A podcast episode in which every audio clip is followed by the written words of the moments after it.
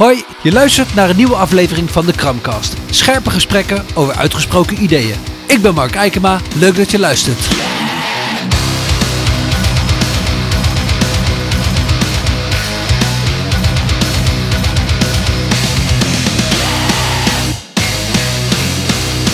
Het lampje brandt. Alright, hey Maarten. Hey Mark, Dankjewel uh, dat ik hier uh, mag zijn in je Ja. prachtige pizzazaak. leuk dat je er bent. Ja. Na, want, ja, want wat is het? Twee, drie jaar op Facebook, denk ik. Zoiets, Eh, ja. Online uithalen naar elkaar. Ja. Eh, en dan nu goed dat er geen camera op gericht staat. Eh, want misschien komt er ook nog wel een keer een klap over de tafel. Maar ik denk het niet.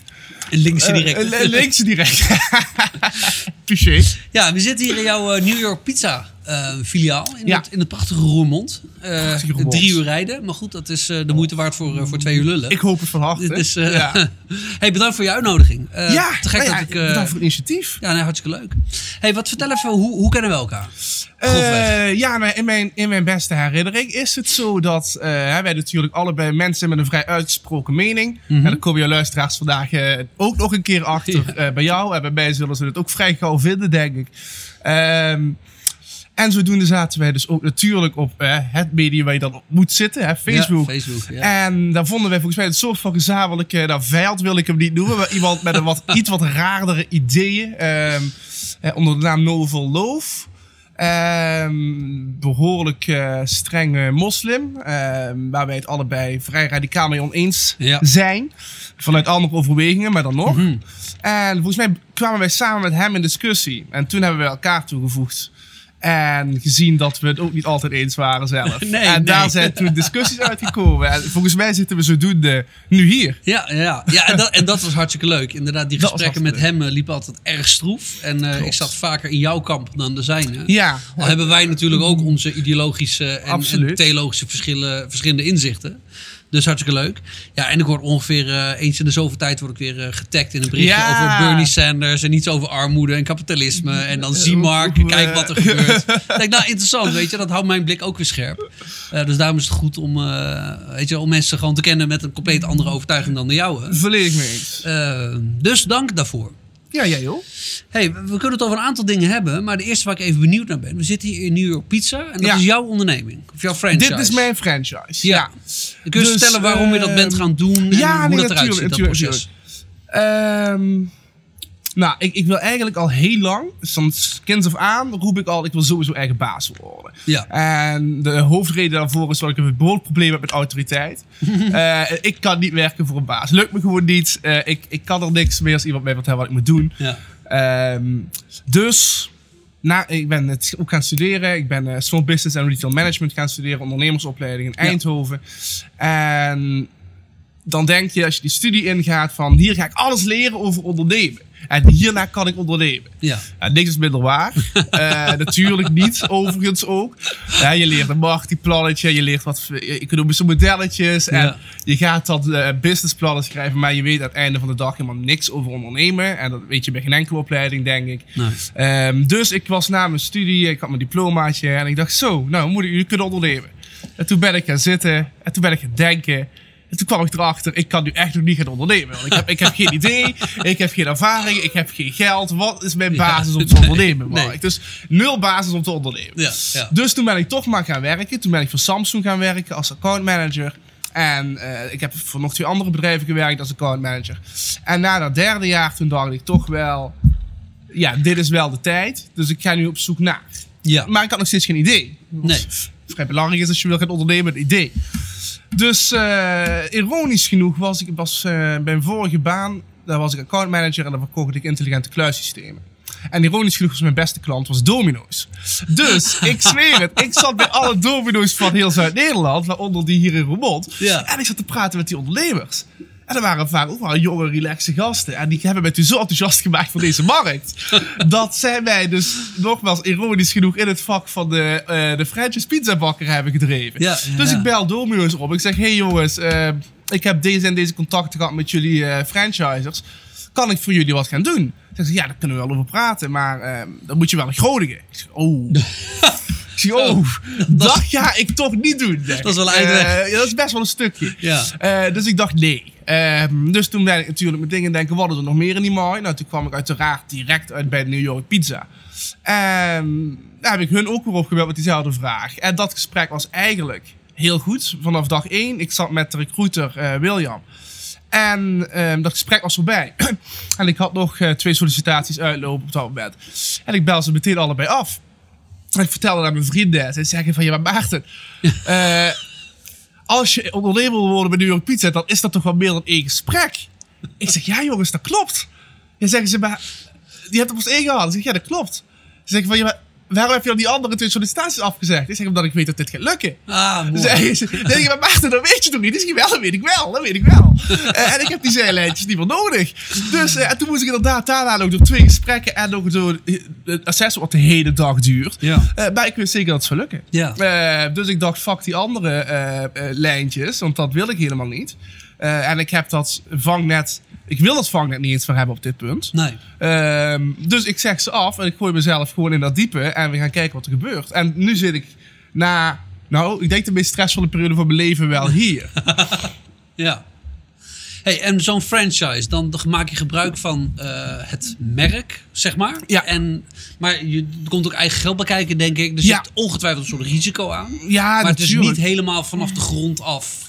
Nee, iets een, franchise is een interessant concept, Mhm. omdat je, ehm, je gaat ondernemen, je bent ondernemer, maar met minder risico. En Ja. een van de dingen die erbij horen bij ondernemerschap, en ook zeker niet weg zijn in een franchise concept, is risico. Ja. Ehm, een slimme ondernemer probeert het risico zoveel mogelijk te beperken. En ik had geen briljant eigen idee. Dus zo kom je daar dan bij uit. Ehm, je leent naam als in we voeren met 200 New York Pizza filialen voeren we hetzelfde concept. Iedereen voert dezelfde producten, dezelfde huisstijl, dezelfde fietsen zelfs. Ja, oké. Eh, da- daarbinnen hebben we wel onze vo- volledige vrijheid. Dus we kunnen met de prijzen wat doen, we kunnen met acties mogen we doen wat we willen, met marketing mogen we doen wat we willen, personeelsbeleid mogen we doen wat we willen. Dus ja, het is wel echt mijn tent. En daar Ja. komt dus ook eigen geld bij kijken.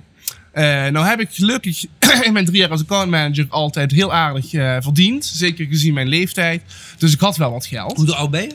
Eh, ik ben 27 Potverdorie, op dit moment. ja. Toen bij mijn laatste maand, toen was ik 25. Eh, en toen had ik het geluk dat ik in onze mooie kapitalistische wereld toen al eh 35 bruto ving. En een mooie Mercedes van de zaak. Dus ik was Oh, heel gelukkig qua arbeidsvoorwaarden. Ja, ik was alleen ja. niet gelukkig qua een gevoel wat ik 's ochtends had. Ik ga nu geld verdienen voor iemand anders. Ja. Eh, daar werd ik niet gelukkig van. Dus ik ben daar inderdaad mee gestopt.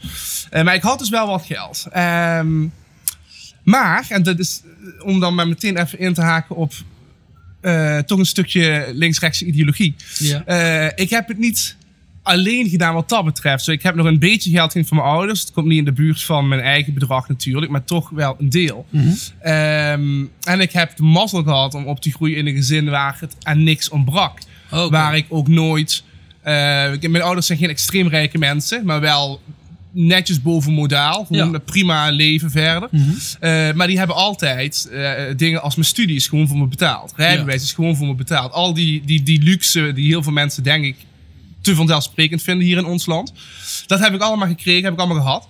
En met als consequentie daarvan dat ik wel best veel geld heb kunnen sparen. Dus Ja. een van de redenen dat ik dit ben kunnen gaan doen, ehm, is toch ook omdat ik een voorsprong heb gehad, denk ik, met waar ik ben geboren. Eh, zelfs binnen Nederland. Mhm. En we hebben allemaal in Nederland, zelfs de armsten onder ons, hebben een voorsprong in waar ze zijn geboren als we op globale schaal gaan kijken. Ja. En zoals Jordan Peterson het altijd inderdaad zegt, als we op globaal historische schaal gaan kijken, Ja. dan hebben we allemaal heel veel geluk gehad. Ja. Maar ik denk ehm, dat ik misschien volledig buiten mezelf om nog iets meer geluk heb gehad. Dat is ook een van de redenen dat ik hier nu kan zitten. Ja. Eh, dus het is heel hard werk geweest voor mij. Maar het is ook een stukje ehm, geluk hebben gehad. Ja. Ja. En wat is dan hetgene wat jou intrinsiek drijft om precies als dit te beginnen? Is dat dan ondernemersdrift? Is dat vrijheid? Is dat geld verdienen? Ik denk het niet, Ehm, maar... nou, eh, nee, dat, eh, laten we eerlijk zijn. Je gaat niet ondernemen om arm te blijven. Nee. Eh, ik, ik, ik ben ook geen anticapitalist. Ik, ik, ik vind het helemaal prima als mensen geld willen verdienen. Ik denk dat een drijfveer is een van de meest diepe menselijke drijfveren die er, die er zijn. Ehm, en ik denk ook niet dat je een, dat je een systeem kan verzinnen waar, waar geld eh, geen, geen rol speelt. Ik heb het vaak zat geprobeerd op verschillende psychedelica met mijn vrienden. Geloof me, we hebben daar uren over gepraat. En je, komt er, je komt er nooit uit. Nee, Eh, je komt altijd op een of ander puntensysteem uit. ehm, waar dan ook punten worden toegekend voor goed gedrag. Wat nu geen geld zal opleveren. Dus je, je komt wel tot iets, maar je komt altijd tot een systeem waarin je ehm, acties omzet in waarde, in, in, in waarde voor iedereen. Hè? Dus Ja. in punten of in geld. Ja. Eh, dus nee, tuurlijk wil ik geld verdienen. Mhm. Ja. Dus dat is wel een van de drijfveren geweest. Ik wil geld verdienen, tuurlijk. Eh, zodat ik ook goede dingen kan doen met dat geld. Maar ook in alle eerlijkheid, zodat ik goed kan leven. En zodat ik mijn kinderen dezelfde voorsprong kan geven die mijn ouders mij hebben gegeven. Dus geld speelt wel een rol, ondanks dat ik een linkspersoon ben verder. Eh, grotere rollen inderdaad, want dat is niet nummer één. Ehm, de grotere rollen voor mij zijn, zijn er twee. De eerste is dat ik zelf iets wil opbouwen. Mhm. Dus dat ik wil terugkijken als ik 40 ben en kan kijken. Ik heb nu drie of vier miljoen pizza's geopend. Dit heb ik gedaan. Ja. Dat vind ik heel leuk. Eh, ik vind het heel leuk om met jeugd te werken. Ondanks dat dat af en toe, die, tot nu toe, een van de grootste uitdagingen van mijn leven is bij sommige van die jongens. Dat is misschien wel het leuke ook juist. Eh, het begint langzaam van het leuke naar het irritante te gaan. Maar ehm, het is wel ook het leuke. Het Ja, is ook ja, het leuke. Ehm, werkgelegenheid creëren en wat, wat doen aan de economische ontwikkeling van je stad. Al die clichés. Maar ze zijn clichés voor een reden. Mhm. Ehm, die hebben ook een rol gespeeld. Maar vooral dat ik niet voor baas wil werken. In alle eerlijkheid. Ja, nee, ik, eh, ik heb zoveel issues met autoriteit. Dus Ja. ik, eh, ik heb ooit geprobeerd het leger in te komen. Moet je je voorstellen. Met mijn, met mijn eh, issues met autoriteit.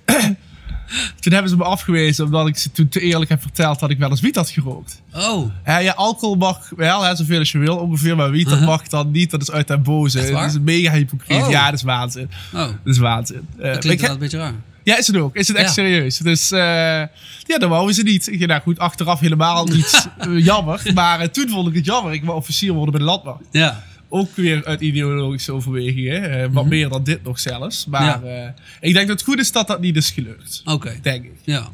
Hey, en issues met autoriteit zeg je. Eh, Ja. maar volgens mij heb je nu ook letterlijk een issue met de autoriteiten lokaal hier, Ja, toch? ja, een heel erg issue En- met de lokale autoriteit. Dat lijkt een beetje de story of my life. Je komt Ja. er nooit onderuit. Ja, maar dat is natuurlijk heel specifiek voor deze situatie. En de meeste mensen zal dat relatief jeuken. Maar kun je heel kort even uitleggen wat voor gezeik je dan hebt met de gemeente hier? Ja, natuurlijk. Ja, ja, kijk, wij, eh, wij wouden hier dus gaan beginnen. En dan kom je in dat proces terecht met zo'n franchise-organisatie. En dan vindt iedereen overal wat van. Ja. Dus ik vind ergens wat van. En, eh, zij vinden ergens wat van. De gemeente vindt ergens wat van. Ehm, dus toen moesten we op zoek naar een locatie. En toen kwamen zij met een locatievoorstel. Dat vond ik absoluut te ruk. En dat vond ik echt vreselijke locatie. Dus ik zeg, nee, dat gaan we niet doen. Komen we Ja. een nieuwe. En toen kwam ik met een voorstel. Dat vonden zij wel niet goed. Eh, en toen kwamen zij met dit voorstel, waar Ja. we nu zitten. En toen zeg ik, ja, heel graag. Ja, is een Eh, prachtige want- plek dit. dit, dit is een prachtige plek. In eerste instantie zal ik je vertellen, was dit het lelijkste pand van Roermond. Echt waar. En wa- waarschijnlijk wat je nu in je hoofd hebt, het is erger dan dat. Oké. Het was echt verschrikkelijk, dit ding. Dus toen ik in de eerste instantie zag, toen dacht ik van 0% kans dat ik daar wat ga openen. Het was Ja. zo lelijk. Het was, eh, er, zat geen, er was wel een raam in, maar er zat een vieze grote kartonnen plaat voor. Die deur was van massief hout. Het was geelachtig geschilderd, met dan die vieze eh, geel, alsof het van tabaksrook geel Ja, lijkt, zeg ja. maar. Hier zat overal graffiti, dat raam zat er niet. Het was, het was vreselijk. Vreselijk.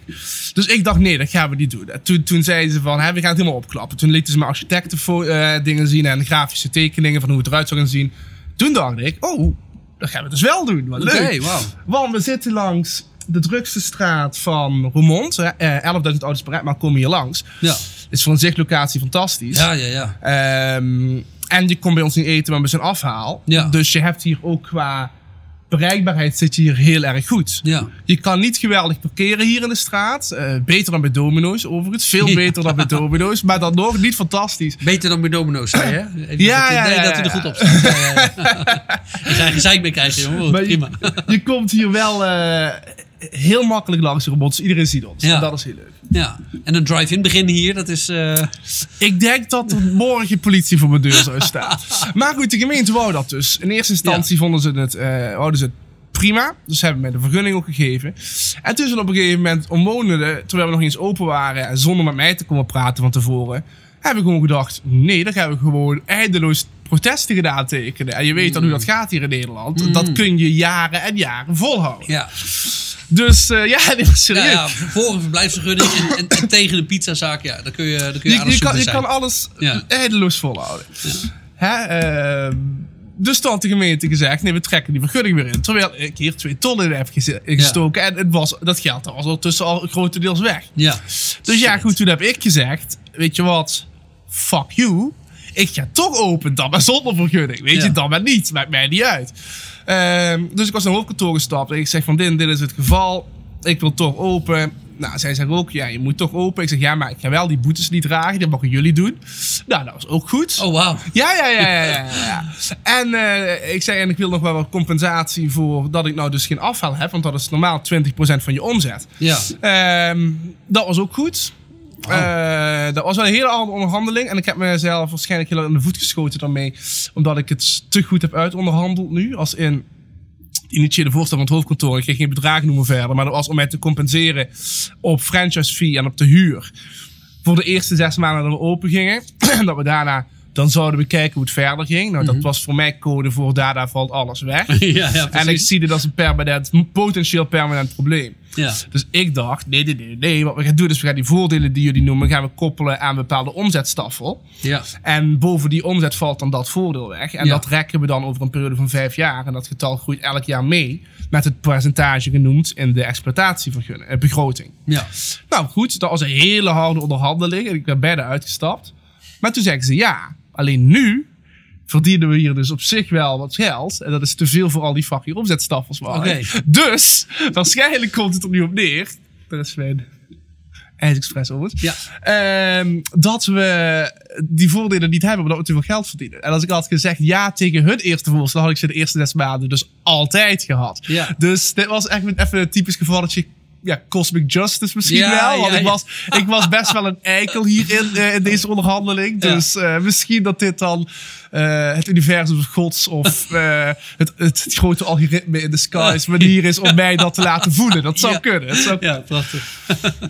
Kijk, maar ik heb een levering hier, nu zie ik. Ja. Nou, prima. Wachtmuziekje. ja.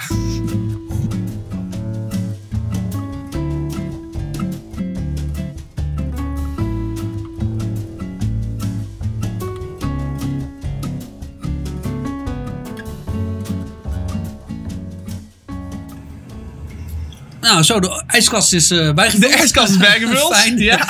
Zien we ook eens een keer hoe dat gaat. Kunnen we weer Eh, door. Ja, nee, interessant. Leuk, leuk om te zien hoe zo'n hoe zo'n tent dan draait. Ja. En dat er zo'n leverancier langskomt die Er zijn meedenkt over... echt, eh, Mark, er zijn 3000 wieltjes voor nodig. Van, als je begint met ondernemen, dan denk je van, het zal wel veel zijn. En dan denk je ook nog, het zal wel meer zijn dan je denkt dat het zal zijn. Maar het is meer dan je denkt, dan je denkt dat het zou zijn. Het is Ja, ja, echt, precies, het ja. is...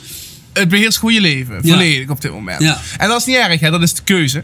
Maar ehm, ja, als, als er iemand luistert die denkt van ik ga zoiets doen, weet wel even waar je aan begint. Het Even is, bellen met Maarten. Ja, mogen ze doen hoor. Ja, ja. Je kan Mark eh, vragen om mijn contactinformatie.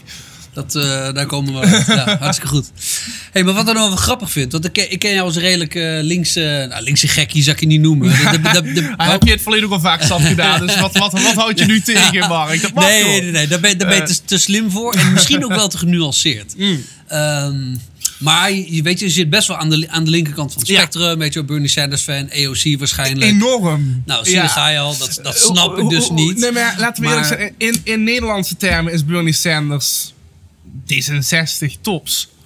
Ja, vind ik ook niks. Hij maar is dat niet links. Maar dat hij, is nee, maar hij is niet links. Hij, hij is voor Amerikaanse begrippen is die, is die hier links. Maar hij heeft het over Medicare for All. Want Mhm. elk, elk ehm, nou, echt land vind ik dan weer zo raar klinken, maar elk eh, fatsoenlijk westers land heeft een systeem wat Medicare for All is. Hij heeft het over eh, dingen die wij hier zo normaal vinden. Ja, dat het- hij, is, hij is op globale schaal is het geen, geen extreem linkse politicus te noemen. Maar die Amerikanen zijn gewoon zo gek dat het daar inderdaad wel eh, bijna een, een communist wordt genoemd. En dat Ja. is de waanzin. Of- Nee, oké, dat gaat dus te ver.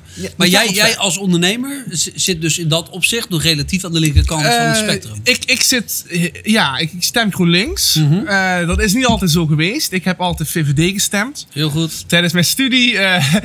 en ehm, met wel een beetje beter dat idee wat jij nu ook noemt, hè, ondernemersgericht. Mhm. ehm, eh, kent de waarde of denkt de waarde te kennen van de vrije markt. En dat, Ja. dat klopt allemaal. Oké. Ehm, ik ben het wat dat betreft het licht gaan zien. Voor mezelf noem ik het dan het licht gaan zien in elk geval.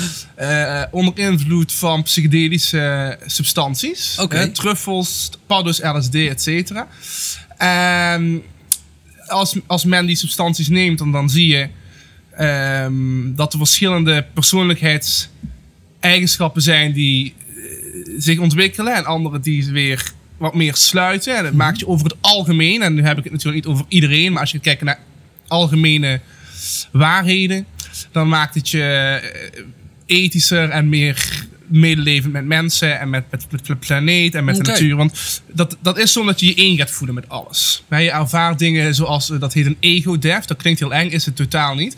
Wat er gebeurt bij een ego-death is dat je wel nog door hebt dat je een, een wezen bent met een bewustzijn. En je bent er, je zit er, Ja. en je bent dingen aan het ervaren.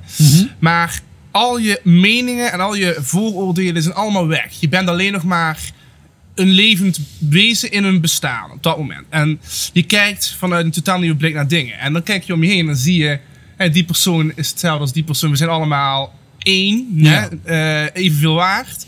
En je weet dat ik de vraag is er een god lastig vind om te beantwoorden. Hè, Ik, ik ben best ehm, altijd heel atheïstisch geweest. Ja. Die ervaringen hebben mij wel ook veel meer opengezet voor het idee van een god. Of in elk geval van een entiteit. Of een dimensie of een wereld boven deze. Ja, maar bewustzijn, misschien is dat een eh, term? Een, een, een groter bewustzijn, ja wellicht. Wellicht. Daar kunnen we straks uitgebreid over hebben. Allicht. Maar ik, ik, ik had het idee ook dat de boodschap van dat wezen, of dat, dat die realiteit, laat ik het noemen, ook vooral een linkse boodschap was.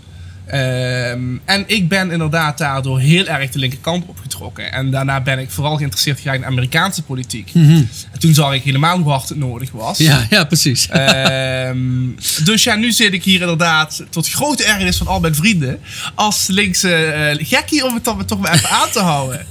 Eh, dus ja, ik ben inderdaad een ondernemer die graag ook geld wil verdienen, maar ook wel gewoon links stemt. ja. En, en als je dan, eh, tenzij ik interrupeer, maar Nee, oké. joh, doe het vooral. Wat, wat jij zegt is, ik, ik heb dan het idee dat de moraliteit of de boodschap van dat bewustzijn, God, het al, whatever, Ja. ehm, links is. En wat bedoel je dan specifiek met de eigenschappen waarvan jij zou zeggen. Ja. dat noem ik links? Nou ja, goed. Ga je kijken naar links en rechts, dan zie je dat eigenschappen die daarbij passen zijn openheid voor de mensen aan de linkerkant en wat meer strakheid aan de mensen aan de rechterkant. En het teken wat ik heel goed kreeg toen van die, die drugs, en dat kan dus ook heel makkelijk zijn geweest, hè, helemaal rationeel gezien, gewoon je eigen onderbewustzijn wat je dan eh, toegang tot krijgt. Dat is helemaal niet iets van buitenaf. Die kans is meer dan 50% denk ik. Of die twee dingen zijn bijna hetzelfde, maar goed. Dat, dat, dat, dat, kan ook, tuurlijk. Al, eh, dat kan allemaal. Maar het idee dat ehm, zes, zes mensen op deze planeet net zoveel welvaart bezitten als de helft van de planeet bij elkaar opgeteld. hè? Dus re- zes, zes mensen hebben net zoveel bezit en welvaart als de armste 3,5 miljard samen.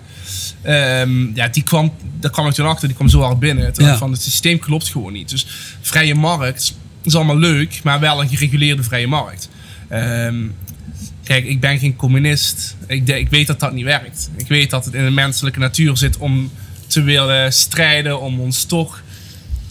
eh, om te willen concurreren. En ik denk dat dat ook moet. Dat Mhm. hij ook, ook- ook- wat dat betreft ben ik het met Jordan Peterson wel eens. Als hij zegt: het zit in ons om beter te willen zijn. En als we dat niet hadden, dan zouden we geen werkende maatschappij hebben. Ja. Ik denk dat dat de basis is van de maatschappij. Maar wat een basis meer moet worden van de maatschappij, als je het mij vraagt, is om ons heen kijken en denken: zijn de uitkomsten van onze eigen innerlijke. Van ons eigen innerlijke mens zijn. Als we, als we, ik accepteer dat, dat dat zo is, maar zijn de uitkomsten daarvan eerlijk? En ik denk dat het antwoord op die vraag nu, als je gaat kijken naar de wereld, heel duidelijk nee is. En daarom denk ik dat we een vrije markt als grondslag moeten hebben van een maatschappij, maar het dusdanig moeten reguleren dat het eerlijkere uitkomsten zijn. Ja. Ja, wat, wat, wat zouden zinnige manieren zijn om dat te reguleren? Nou, kijk, hier in Nederland zijn we al heel ver. Mhm, En dat, is, dat is heel fijn. Ja. Ehm, wat, wat, waar ik voor zou zijn persoonlijk is een hogere belastingsschijf Mhm. voor de allerrijkste. En dan heb ik het dus niet over tot, tot een ton per jaar. Kijk, ik ben inderdaad ook een ondernemer. Ik werk 70 uur per week. Eh, Ja. Ik wil ook geld verdienen. En als ik strakjes geluk genoeg heb dat dit gaat werken, eh, dan wil ik ook niet dat de overheid 70% van elke euro pakt die ik verdien boven de 16.000 euro. Daar heb Nee. ik het niet over. Ik heb het over mensen die zo bespottelijk veel geld verdienen dat ze niet meer weten wat ze ermee moeten doen. Ja. Ik heb het over het feit dat je tot 90.000 euro per jaar gelukkiger wordt en daarna niet meer. Nee. Dus wat moet iemand met 3 miljoen per jaar? Ja. Eh, terwijl we ook kinderen hebben die niet op voetbal kunnen gaan omdat hun ouders te arm zijn. Ja. Eh, dus ik heb het over het herverdelen van, wel- van welvaart. Ja. Ja. En dat is een links idee. Over het algemeen. Nou ja, ik zou dan de kanttekening willen plaatsen dat het een links idee is om dat door de staat te laten regelen. Ik had bijvoorbeeld, de voor, mijn vorige gast was Anthony Ruitenbeek. Een eh vervent katholiek en een groot gelover in de kerk eh, als vervanger van de, van de staat.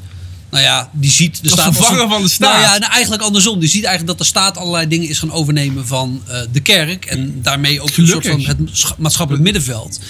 En ehm, hij, en ik denk dat ik hem daarin redelijk volg, zou dan liever, zal maar zeggen, vanuit de mensen zelf als op een vrijwillige basis dat niet. gebeurt. Maar dan gebeurt het niet. Ja, maar dat gebeurt volgens mij dus juist wel. Op veel te kleine schaal. Want als het zou gebeuren vanzelf, dan hadden we die hele overheid er niet voor nodig. Maar het gebeurt niet vanzelf. Nou, dat vraag ik me dus af.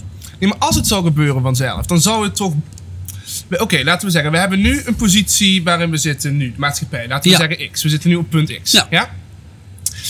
Oké, is punt X genoeg of niet genoeg qua herverdeling van de welvaart? Ik zou zeggen nee, jij zou misschien zeggen ja, dat is niet kijk, kijken we naar Nederland of kijken we Nee, nee, globaal? ik kijk nu naar Nederland. Globaal is het volgens mij niet eens discutabel of het genoeg is of niet. Ik heb het nu over Nederland. Oké, Ehm, dus punt X zitten we op. ja, Of het nou genoeg is of niet, is niet per se belangrijk voor de rest van mijn argument. wel interessant, maar daar gaan we het toch over hebben. Prima, nee, ga door, ga door. 100%. We zitten op punt X. En ik zou dus zeggen, punt X is niet voldoende, er moet meer. Jij zou dat misschien niet zeggen. Ik wil je geen woord in de mond leggen, maar daar komen we zo dan nog even op. Zeker. Als ik de positie inneem, dan moet meer. En ik kijk om me heen, maar er gebeurt niet meer. Er gebeurt niet genoeg meer, want anders zaten we niet op punt X. Dan zaten we op punt X plus 3. Mhm. Ehm, dus ik, ik snap niet waar je dan het vertrouwen vandaan hebt om te zeggen van als de overheid zich er minder mee goed gaan bemoeien, dan gaan rijke mensen juist denken, hey, dit is fijn, ik ga het nu zelf doen. Ik denk dat dat een, dat, dat een utopie is die zichzelf al lang heeft tegengesproken. Ja, ik vraag me dat af. Als je kijkt naar cijfers van ehm, ehm, ja, weldoen, ik vind dat een beetje een stom woord, maar je begrijpt wat ik bedoel. Eh, dus altruïsme, zeg maar, wat, wat zich met name in kerkelijke kringen gewoon op een heel hoog niveau afspeelt. Kijk, wat er aan goede doelen wordt gegeven, hoe mensen zich inzetten voor buurthuizen, voor ontwikkeling. Tuurlijk. Dat, dat, weet je, dat er dingen worden betaald voor mensen die het niet kunnen. Eh, ja, en dat is, dan, dat is heel goed. En, en, en dat vind ik te gek. En ik, weet je, en ik maar ben, geen- moet ik niet vrijblijvend zijn. Het moet niet vrijblijvend zijn dat de Nou. arme mensen worden geholpen. Het moet niet vrijblijvend zijn dat kinderen eh, kunnen sporten. Nee, maar ik zou het ook niet vrijblijvend noemen. Alleen, Als jij zegt we moeten iets koppelen aan de wet, dan is het per definitie vrijblijvend. Nou ja, tenzij er een soort wet is die niet vanuit de staat komt, maar vanuit mensen zelf. Dat heet vrijblijvendheid. Dat is dus als- hoe de wind waait. Als ik morgen dan wil doen, dan kan ik het doen. En als ik het niet wil doen, dan hoef ik het niet te doen. Nee, maar als jij zoals Als een ik geen moslim belasting gelooft... wil betalen, dan hoef ik het niet te doen. Ik bedoel, dat, gaat, dat kan niet. Dat Nee, maar, maar een mos- een moslim gelooft dat als je het zakat niet zal betalen, dus je, je, je wat is het, 2,5% van je vermogen, als je Ja. dat niet aan de arbeid geeft, ga je naar de hel. Ja. Dat is geen wet vanuit de staat, Nee, maar, vrij nee, nee, nee. serieuze... Ja, een- maar het is- En dat is niet vrijblijvend. Dat zal een moslim niet zeggen. Dat zal een moslim zeggen, maar A, 2,5% is veel te weinig om mee te beginnen. Oh, Eh, eens. En, en, en, en B, eh, het is een walgelijke motivator om mensen te helpen. Is omdat je bang bent voor straf en het hiernamaals. Ja. Is een vreselijke motivator om mensen te ja, helpen. ik vind het ook geen goeie. Nee, nee, precies. Nee, maar la- dus. ehm, en we zijn, al, we zijn ook niet allemaal moslim. Dus ik, ik- tuurlijk. Gelukkig. We zijn allemaal, iedereen van ons. Misschien op de grootste eh, hardcore. ehm, ik ben even nu de term kwijt. Anarchisten na. Personeel. Gezellig. Ehm, op de grootste anarchisten na zijn we allemaal voor herverdeling van de welvaart. Ja. Door de overheid. Want we financieren het leger, we financieren de dijken, we financieren de scholen, we financieren de wegen. En dat is allemaal herdistributie van welvaart. Ja. Dus de vraag is niet, zijn we voor weldistributie van welvaart door de overheid? De vraag is, tot op welk punt zijn we Nee, voor weldistributie van welvaart door, de overheid? Ja. Ehm, en, en de wegen worden ook niet aangelegd van vrijwilligerswerk of van vrijwilligersgeld. En ik Nee, denk dan, klopt. eh, waarom ehm, zou het, als het aankomt op de, de, de mensen die het het zwaarst hebben onder ons helpen, wel vanuit die hoek moeten komen. Nou ja, ik vraag me serieus af of de staat in staat is. Leuke woordspeling. Of Ja, de ja, overheid in staat is. Eh, om dat op een goede, effectieve manier te doen. En te- tegelijkertijd, ik moet ook zeggen, ik ben geen libertariër. Ik geloof Nee. ook in eh, een overheid. Ik heb vrienden die zijn Jehovah's getuigen. Die stemmen gewoon niet. Ik zal niet zeggen dat ze tegen de overheid zijn. Maar ze doen er in ieder geval niet mee. Hm. Ik vind het wel zinnig inderdaad dat we het hebben over wat doen we met defensie. Wat doen we met wegen. Dat ga je niet per se particulieren overlaten. Maar ik geloof wel in een kleinere overheid. Ik ben bijvoorbeeld in dat opzicht redelijk fan van een initiatief als voedselbanken bijvoorbeeld. Ik vind het fantastisch wat daar gebeurt. Ik heb er zelf een tijd op gewerkt. Zelfs ook nog een tijdje van moeten leven, overigens. Maar dat is, eh, dat is weer een ander onderwerp. Ehm, en voedselbanken komen gewoon voort uit mensen die zeggen: hé, hey, ik heb meer dan ik nodig heb. En ik geef dat aan mensen die minder hebben dan ze nodig hebben. Dat is, en dat wordt in de regel, en dat, dat is niet om, om een succespraatje te houden over de kerk hoor. Want zoals jij Nee, weet, ben ik nee, kritisch nee. genoeg op de kerk. ehm, Eh, vandaar mijn vorige podcast, eh, De Kerklozen natuurlijk. Ja. Ehm, maar ik denk wel, dat is wel waar het gebeurt. Want dan gaat het niet alleen maar over een soort... hé, hey, we houden via een soort infuus de allerarmsten nog een soort van in leven. En in mijn ogen tegelijkertijd ook ontevreden. Maar mijn ideaal wat dat betreft is dan veel groter. Weet je wel? In een voedselbank waar, eh, zal maar zeggen, naast eten ook hopelijk liefde is, aandacht is, begeleiding, contact. Ehm, eh, weet je, uiteindelijk gaat het gewoon over zingeving.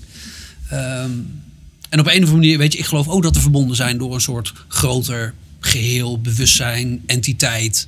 Ik gebruik er vaak het woord God voor, omdat dat toevallig uit de traditie waar ik me dan nu een beetje in begeven een logisch woord is. Ja. Ehm, een van mijn volgende gasten noemt dat het universum. Ja, het zal, Ik- weet, het, ik- het ik- zal me jeuken. Ik, ik neig ook meer naar het dan het universum. Nou, Alleen, prima, het zal me jeuken. Als je het over hetzelfde hebt, dan weet je, dan maakt het woordje niet zo heel veel uit. Eens, tot op zekere hoogte overigens. Maar, Maar dit is een beetje een, een, een, een, zijstapje. ja, dat Nee. zijstapje komen we nog op. Maar je, wat- wat- voedsel, het voedselbank bijvoorbeeld. Ja. Heel goed. Maar het is toch dramatisch dat ze nodig zijn om mee te beginnen? Nee. Jawel. Het- Nou, het- het- eh, sorry. ja, het is dramatisch dat ze nodig zijn om te beginnen. Dat, of Ja. dat het nodig zijn dat ze er zijn. En, en eh, dan nog zoiets. Bijvoorbeeld in Frankrijk. Daar mag een supermarkt geen producten weggooien. Nee, maar la- laten we even blijven bij die voedselbank. Want dat, dat, Ja, ja, ja dat- maar daar heb ik het over. Oké, Voedselbanken prima, ja. worden daar gevuld met producten die anders weg moeten. Mhm. Onder andere vanuit eh, supermarkten. Ja, Geweldig systeem. Overheidsregel ligt er aan ten grondslag. ja. Dat zouden we hier ook moeten doen. Het is bespottelijk. We gaan hier voedsel weggooien. En dat is allemaal, win- dat is allemaal vrije markt. Dit. Allemaal Mhm. winstoverweging. Als ik dit voedsel weggooi, dan komt het in elk geval niet gratis bij iemand terecht die het voedsel dan niet bij mij gaat kopen. Ja. Dat is de redenering. En dat is walgelijke redenering. Ik heb zelf gemerkt dat bij de supermarkten waar ik dan voedsel haalde voor de voedselbanken in Mhm. Utrecht, waarvoor ik heb gewerkt. Tuurlijk doen sommigen ook Dat, dat, dat het aan, met, aan, aan hele andere dingen kan liggen. Zoals bijvoorbeeld dat eh, voedsel, eh, als het eenmaal de winkel is verlaten en door iemand anders wordt gedistribueerd, dat ze geen zicht meer hebben op de controle. En dat dan iemand aankomt met: kijk, ik heb hier een brood, dat heb ik vandaag gekregen en het is verrot. En er staat een sticker van bijvoorbeeld de Albert Heijn op. En dan krijgt de Albert Heijn gezeik. Ja, dus goed, dat, da- daar, kun je, daar kun je oplossingen voor. Hè, voor zo'n Nee, soort allicht. systemen. Maar- maar- Eh, dat is, dat is, eh, en, en mijn eerste richting zou dan zijn: minder regels, dus minder overheid en betere mensen. Nee, maar ik snap niet waar, je, waar, waar komt dat geloof vandaan? Minder regels is betere. Eh, als, als je gaat kijken naar. Nou, het is mijn uitgangspunt. Het is niet per se de, de, de, eh, de en end-all van alles. Nee. Maar het is wel waar ik vaak mee begin. Dat ik zie, oké, dit gebeurt op deze manier, dit gebeurt op deze manier. Hebben we een hoop regeltjes. Volgens mij, als ze er tussenuit zou schieten, zou het een stuk beter gaan. Dat weet ik niet zeker, maar ik vind de voedselbanken welke- welke- een prachtig voorbeeld van hoe het kan. De voedselbanken zijn een prachtig voorbeeld. van hoe Het kan tuurlijk, maar ik, Ja. ik, ik zie alleen niet zozeer in waarom minder regels leiden tot meer voedselbankinitiatieven of initiatieven die daarop lijken. Ik, ik zie de link gewoon niet. Nou ja, je zou bijvoorbeeld eh, strenge regels zouden ertoe kunnen leiden dat ze bijvoorbeeld dicht moeten. Nou, Nee, maar nu hebben we het over specifieke regels. Mhm. Eh, tuurlijk, ik kan, voor- ik kan regels verzinnen die alles kapot maken als ik zo wil. Ja, allicht. dat- nee, maar daar er zijn mensen helaas heel goed Ja, in. ja, dat, is, dat, is, dat zijn we het over eens. Maar dat is het punt niet. Het punt is, waarom zou het in het algemeen zo zijn dat minder regels leidt tot een betere wereld? Ik denk dat als je gaat kijken naar de wereld aan zich, en je gaat kijken naar welke landen zijn het gelukkigst, en hoe verhouden die landen zich op economisch gebied, dan kom je toch uit bij de Scandinavische landen en bij ons als Nederland. En, eh, wij zijn het gelukkigst, we hebben het het beste, we hebben de laagste sterftecijfers, we hebben de beste zorg, we hebben de beste educatie. Oh ja. Eh, ga je dat linken aan wat is het politiek systeem erachter? En dan bedoel ik niet democratie, maar meer welke kant neigen we op? Dan is het nou eenmaal dat dat meer de linkse kant is van de wereld. Dat is een feit. Dat is Nou, niet per, se, niet per se socialistisch natuurlijk. Niet per se socialistisch, maar Nee, ik, ik heb het ook eh, niet over socialisme. nee, ik heb oké, het sure. over gereguleerd kapitalisme. Hmm, Dat is niet hetzelfde. En- Gelukkig niet. Nee, nee, nee, mee eens. Ja. En als je gaat kijken naar onze grote bondgenoten Verenigde Staten, hè, wat in mijn optiek het schoolvoorbeeld is voor een kapitalistische maatschappij, eh, is een absoluut drama daar. Daar, daar gaan mensen. eh, volgens sommige cijfers 33.000 per jaar dood omdat ze geen zorgverzekering Ja. hebben. En daar wordt gewoon gezegd, ga dan maar dood. En dat is de vrije markt. Dat is de markt die zegt, jij hebt niet genoeg middelen vergaard in je leven, Mhm. Zodat wij ervoor kunnen zorgen dat je kan blijven leven. Dat jij je huis niet hoeft te verkopen omdat je kind kanker heeft gekregen. Mhm. Dat is een gevolg, een direct gevolg van de vrije markt. Ja. En daar ben ik het mee eens. En ik ben, ik ben zelf dus ook niet enthousiast over Amerika, wat dat betreft. Nee. Eh, en is de schoolvoorbeeld van een kapitalistisch land? Ja, tot een zekere hoogte. Als je een En- betere weet, hoor ik het En, en, en daar, is, daar is tegelijkertijd ook een hoop op af te dingen hoor. Want daar heb je natuurlijk een, ve- een veel te sterke lobby. Eh, en eigenlijk vind ik te sterke lobby's bijna hetzelfde als corruptie. Ja, maar Eh, een vrije lobby is je- ook, een, is ook een gevolg van een vrij kapitalistisch systeem. Want Nou ja. geld is speech. Volgens het Hoge Rechtshof in de Verenigde Staten. Money equals speech. Ehm, Citizens United zorgt ervoor dat je zoveel geld als je kan, wil kan geven aan een superpack. Mhm. Wat is, allemaal. wat is een superpack? Een superpack is een, een, een groep die campagnes mag voeren voor een kandidaat, maar die niet in direct contact mag zijn met die kandidaat. Dus dat is die grootste grap van de planeet, natuurlijk. Oké. Eh, dus als ik, als ik jou, jij bent kandidaat. Ja. Ik wil jou geld geven, dan mag ik jou maximaal 2700 euro geven voor het congres en 5400 euro. Quote me niet op deze getallen. Nou, volgens mij, ja, is het, volgens, mij zijn, volgens mij kloppen ze wel. Prima. Als je presidentskandidaat worden. Meer mag niet, want dan is het corruptie. Ja. Eh, wat dan wel mag, bizar genoeg, is dat dan, laten we zeggen, Donald Trump eh, het, het diner host voor de 10.000 euro per bord voor zijn campagne. Daar mag ik dan wel gewoon bij aansluiten. Dus er zijn duizend manieren om, om die kutregels heen te komen. Maar Ja. Citizens United is een, is een ruling geweest van het Hoge Rechtshof. Waarin ze in feite stelden dat een, een, een bedrijf of een persoon zoveel geld als ze willen mogen geven. Maar niet aan de kandidaat direct, maar aan het superpack van die kandidaat. Oh. Eh, Het superpack van de kandidaat is dus, die staan achter de kandidaat. Die voeren campagne voor hem, maar die mogen dus officieel geen contact hebben. En ik Ja, denk niet dat je naïef genoeg bent om te denken dat die geen contact Nee, hebben. dat is ook larie Eh, natuurlijk. natuurlijk hebben die ja. contact. Ehm, maar dat is gebaseerd op hetzelfde ehm, morele gedachtegoed als we hebben minder regels nodig. Dat is als we de vrije markt zijn werk maar laten doen, dan komt alles vanzelf wel goed. Want bedrijven willen ook het juiste doen, anders verliezen ze klanten. Nee, nee, nee, maar dat is niet zo. Bedrijven willen geld verdienen. Mhm. Ja. En als dat betekent, we gaan een fabriek sluiten en we openen er in China, dan is dat wat ze gaan doen. Ja. En als dat betekent, eh, we gaan ervoor zorgen dat zorgverzekering bijna niks meer dekt. Want mensen moeten hem toch wel afsluiten. Dan is dat wat er gebeurt. Ja. Dus ik- ik denk dat de vrije markt het ergste ons erboven haalt. En het beste. Maar dat het beste wordt ondersneeuwd by far and away door het ergste in de mens. Oh, Oké, ja, ik zie dat dan eerder andersom. Ik zie absoluut excessen. En ik geloof dus ook niet in een, in dat opzicht niet in een volledig vrije markt. Ik geloof er ook in reguleren. Weet je, dat, dat, hebben zelfs hardcore VVD'ers. Tuurlijk. Weet je die zullen ook zeggen, joh, er moet openbaar vervoer zijn. En als er dan ergens in een dorp, als die lijn uiteindelijk niet meer rendabel is, zal die toch open moeten zijn. Dus wat ik dan niet geloof is een overheid die een busmaatschappij begint. Maar geloof dat veel meer. Dat geloof ik ook Oké, precies. Een overheid die zegt, jongens, dit pakket willen we. Ja. We staan open voor aanpassingen. Maar goed, we willen minimaal deze maat van bereikbaarheid hebben. Welk bedrijf kan dat voor de beste service tegen de beste prijs dat regelen? Nee, maar niet alleen op het gebied van. Ik denk dat de discussie dan inderdaad dus meer is van wat, wat, wat valt onder die paraplu van de verantwoordelijkheden van de Mhm. overheid. Ehm, want kijk je House of Cards? Heb Ja, ja, ja. Tot op het Dat- laatste, laatste seizoen heb ik volgens mij niet afgekeken Ik, ik, trouwens. ik maar... ben niet eens begonnen Oh, aan het laatste seizoen. Ik hoor van iedereen hoe kut het is. En ik wil, ik wil House of Cards als goede serie in Ja. mijn geheugen houden. Dus Ja, ik, magnifiek. eh, Ja. ik, heb het, ik heb laatste seizoen bij de IA begonnen op aan... eh, nou, mijn broertje wil dat ik het wel ga kijken. Mhm. Want hij wil mijn mening erover hebben. Maar ehm, hij heeft me wel verteld hoe slecht het is. Dus ironisch genoeg ga ik het dankzij hem niet kijken. Hij wil dat ik het ga kijken. Maar dat terzijde. Er zit een scène in. Tussen, ehm, hè, tussen hem en tussen ehm, de, de, de... Hoe heet hij nou alweer? De, de, de Poetin. Ehm, ja. hoe ja. heet hij nou? Ik ga niet op zijn naam komen nu. Jij wel? Ik denk dat je te lang moet nadenken op de podcast. Zo Ja, lang stil houden. In elk geval de, de Russische president. Die overigens, even een heel kort verleidje. Ik vind het de beste cast van de hele serie. Want het is zo duidelijk Poetin. Het is, het is hem één op één. Het is Oké, hem, echt, ze hebben hem geen Poetin genoemd. Maar ik vind, Ja. ik vind het geweldig. maar dat al zijn. Dan heeft hij het op een gegeven moment over, over de auto's. eh, hè, de Lada en de Lexus Ja. met, met hem, met Kevin. En dan noemt hij dat op een gegeven moment. En toen we kapitalisme, toen we kapitalisme kregen, toen kregen we de, de Lexus. Ja. En toen konden we die Lada aan de kant zetten. En ik, volledig mee eens. Als in, ik geloof ook niet dat de overheid consumentengoederen moet produceren. En ik geloof ook niet dat de overheid pizza's moet gaan bakken, laten we zeggen, voor, voor de mensen. Dat, dat is een, een falend systeem. En ehm, ik denk ook dat de kracht van de mens inderdaad zit in concurrentie en een beter willen zijn dan de ander. En dat dat zorgt dat we hoogtes bereiken die we nooit zouden kunnen bereiken onder een gereguleerd systeem. 100%.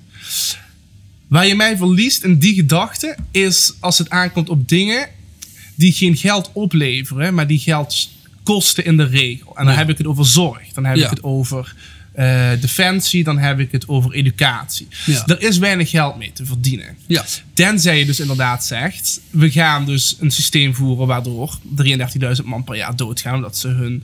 En we gaan het te vrij houden. Ja. Ehm, voorbeeldje, onder, onder ehm, Obamacare in de Verenigde Staten, Mhm. daar werd op een gegeven moment eh, de overheidkosten en de kosten voor daadwerkelijke zorg voor Obamacare waren ongeveer 50-50 of 60-40, 60% van de inkomsten ging naar zorg, 40% ging naar overheidskosten of 50-50. Eh varieerde een beetje natuurlijk per, per, staat, maar dat waren ongeveer de getallen. Obamacare dwingt ze om daar, volgens mij is het 80-90 van te maken, eh, ta- 80-20 van te maken. Maar Medicare for All, de overheids, eh, het overheidspakket hè, voor mensen van 55 jaar en ouder, volgens mij of 60 jaar en ouder, Oh, dat is een le- leeftijdsgrens. ja, er is oh, een leeftijdsgrens aan. Eh, dat is eigenlijk gewoon ouderenzorg, Medicare. Ja, oké. Zoals het er nu is, hè? Ja. Eh, daar ligt het op 90-10. Dus wat je doet, is je haalt de middenman eruit. En dat, dat, dat, dat is het punt als ik het heb over dingen die de basis moeten vormen van een mensenleven. De zekerheden van een mensenleven. Dus Mhm. een goed, gezond leven, fatsoenlijke educatie, gelijke kansen voor je kinderen. eh, wat een illusie is overigens natuurlijk, zelfs in Nederland. Ehm, ik heb meer kansen dan de, he- het gros van mijn personeel. Als Ja. ik puur ga kijken naar in welke zin ben ik geboren en hoe groot is de kans dat ik uit mijn sociale, mobili de, de sociale mobiliteitsladder, eh, als ik één level zak, dan zit ik nog steeds hoger dan sommige jongens als ze twee levels zouden klimmen. Ja. Dus het is een illusie om te denken dat we gelijke kansen hebben. Maar we kunnen het zoveel mogelijk proberen op de basis te hebben. Ja, nee, dat, mee eens. Ja. dat, ja. dat, dat was een zijpunt. Eh, het, het hoofdpunt was Medicare, 90-10 regel. 19, Ja. precies, precies, precies, precies. Dus eh, bij sommige dingen zeggen we, dit is algemeen goed. En bij algemeen goed hoeft geen middenman met winst te zitten, als je mij vraagt. Bij algemeen goed moet het gewoon zo goed mogelijk gedaan worden. Er is dan Ja. niet iemand die er rijk van hoeft te worden. En dat is mijn hoofdpunt als ik het heb over herverdeling van de welvaart. Ehm, ik denk dat er bijna niemand is die echt zou zeggen, we moeten de overheid eh, meenemen in consumentenproducten. Maar Nee, maar als, als je bijvoorbeeld kijkt naar die 90-10 regeling. Hm. eh, ik denk dan, ja prima dat de staat zo'n regel stelt. Ik heb dus geen... nee, nee, dat gebeurt gewoon. Oké, Waarom? A, A, dat was me onbekend. Maar B, tegelijkertijd, als dit door een bedrijf zou worden gedaan... en je kunt zonder die middleman... Ja. dan zegt een bedrijf natuurlijk Nee, ook... het bedrijf is de met die Het bedrijf is de middelman. Ja. Dat Nee, is maar als het als het als bedrijf gerund zou worden... Dan, dan zoek je natuurlijk altijd manieren om het zo goed Nee, maar mogelijk kan in te alleen maar als bedrijf gerund worden als je zegt dat de overheid het bedrijf is die het runt. Anders heb je altijd een middelman. Dus je hebt, je hebt de overheid Ja, wordt even een tekeningetje je, gemaakt. ja, en dan heb je de consument. Ja. Ja. Als de overheid het niet regelt, dan zit hier een gigantisch blok van mensen. En die willen allemaal op elk lijntje van het productieproces moet wat verdiend worden. Dollartekentje, Ja. dollartekentje, dollartekentje, ja. dollartekentje. Maar aan de andere kant gebeurt het bij ambtenaren natuurlijk net zo. Als je kijkt onder paars, weet je wel, wat natuurlijk Hmm. eh, redelijk, eh, ehm, nou ja, een, een- een linkse slag had. Dat is niet heel erg, maar dat, dat zat redelijk eh, aan de linker. De laatste keer dat we een links kabinet hebben gehad, was ik nog niet geboren volgens mij. Maar oké. ik ga je bent ook pas 27, hè? Ja, dat is waar. Nee, weet je, en, en daar, daar zie je bijvoorbeeld in. ehm, ehm, eh, Pim Fortuyn heeft daar het boek De Puinhoop van acht jaar paars over geschreven. En daar zie je inderdaad dat op het moment dat de staat veel meer ging lopen rommelen in, in, in zorg. Mm. dat ze daar bovenop gingen zitten. Dat, ik geloof het UMC, de kosten zo'n beetje 60% zijn gestegen. Het aantal bedden. Ja. Eh, en daarmee het aantal bezette bedden, zou ik maar zeggen, ook. Dus eh 20% daalde. Dus dat is, zou maar zeggen, Nee, maar je kan het bedrijf best laten regelen verder. Ja. Maar wel met regels die eraan verbonden Oh zijn. nee, tuurlijk. Maar weet je, en, dat- en dat gaat twee kanten. Dat kun je aan, dat kun je als overheid kun je zeggen, goh, we willen. Eh, nou, het voorbeeld van die buslijn vind ik altijd een vrij heldere. We willen, Ja. weet je, dit en dit en dit pakket. Je moet minimaal ook naar dat dorp rijden. Ook al Ja. kost je dat geld, maar we willen dat daar mensen heen en weer Exact. kunnen rijden. Prima. Ehm, ja, weet je, en dan zeg ik, ja, laat, laat, laat het allemaal zoveel mogelijk over aan de markt. En dat ben je op dit je- punt eens. ja, maar waarom zou je dat met zorg of onderwijs bijvoorbeeld niet Als je die basisvoorwaarden hebt gesteld, eens. Mhm. Ja. Omdat zorg en onderwijs nog wel wat crucialer zijn dan openbaar vervoer. Als zijn als er geen openbaar vervoer is, ook een drama natuurlijk. Maar dat is allemaal niet zo super, super spannend verder. Maar overheid en zorg zijn dat natuurlijk. Of, eh, educatie en zorg zijn dat natuurlijk wel. Ja, maar als het voor een iets minder relevant punt prima werkt, waarom zou dat niet voor een nog spannender punt, zoals het onderwijs bijvoorbeeld, Mhm. Omdat, opeens het, niet eh, werkt? omdat het iets wat werkt in het midden werkt niet per se op de extreme. natuurlijk, klopt, hè. Zeker. Dat, dat, dat, dat geldt voor ongeveer elk punt, denk Mhm. ik. Ik vind de zorg niet een punt waar iemand geld over hoeft te verdienen. Dat is het gewoon niet. Het gaat over eh, een mensleven zo comfortabel mogelijk inrichten en iemand helpen als die het nodig heeft. Ja. En dat is niet iets waar ik vind dat een aandeelhoudersbelang bij zou moeten komen kijken. Nee. Oké, fair enough. Ja, En dat geldt voor een bus wel. en, en, dat snap, en dat snap ik dus ook ergens. Ja. Oké. Is- Dan, dan we hoeven het nog niet eens te worden. Maar we, zitten, we zitten in een vaarwater. We Ja. zitten vaak wel in hetzelfde vaarwater. Alleen jij roeit iets meer die kant op en ik roei iets meer die kant op. Maar de Ja. basisprincipes die eraan ten grondslag liggen zijn volgens mij vrij gelijk over het algemeen. Ja. Weet je, kijk, kijk dat, dat, dat een vrije markt een heleboel goeds kan opleveren. Eens. Weet je, ik, wat ik, zeg, ik ben ondernemer. Ja, nee, nee, je, je- tuurlijk, Je, je zit, je, je zit in, mijn, in mijn zaak. Ik wil hier geld mee verdienen. Ik wil, ik wil drie, vier van deze zaken openen binnen Ja. tien jaar. Dus ik, eh, ik ben inderdaad... Dat ik gaat je lukken, eh, dat weet ik nu al. Ik, ik hoop het van harte. ja, ja. Het zou leuk zijn. Ik kom bij iedere kom Eh, weer kijken. dat hoor. is dat goed. is eh, Bij elke doen we een nieuwe podcast. ook weer lekker chocomeldrikkie. ja. Dus dat, eh, dat- oh ja, sowieso. Ja. Maar ik geloof dus niet in volledige herverdeling van welvaart. Niet in bijna volledige herverdeling van welvaart. Helemaal niet zelfs. Ik vind ook als ik 70 uur per week werk...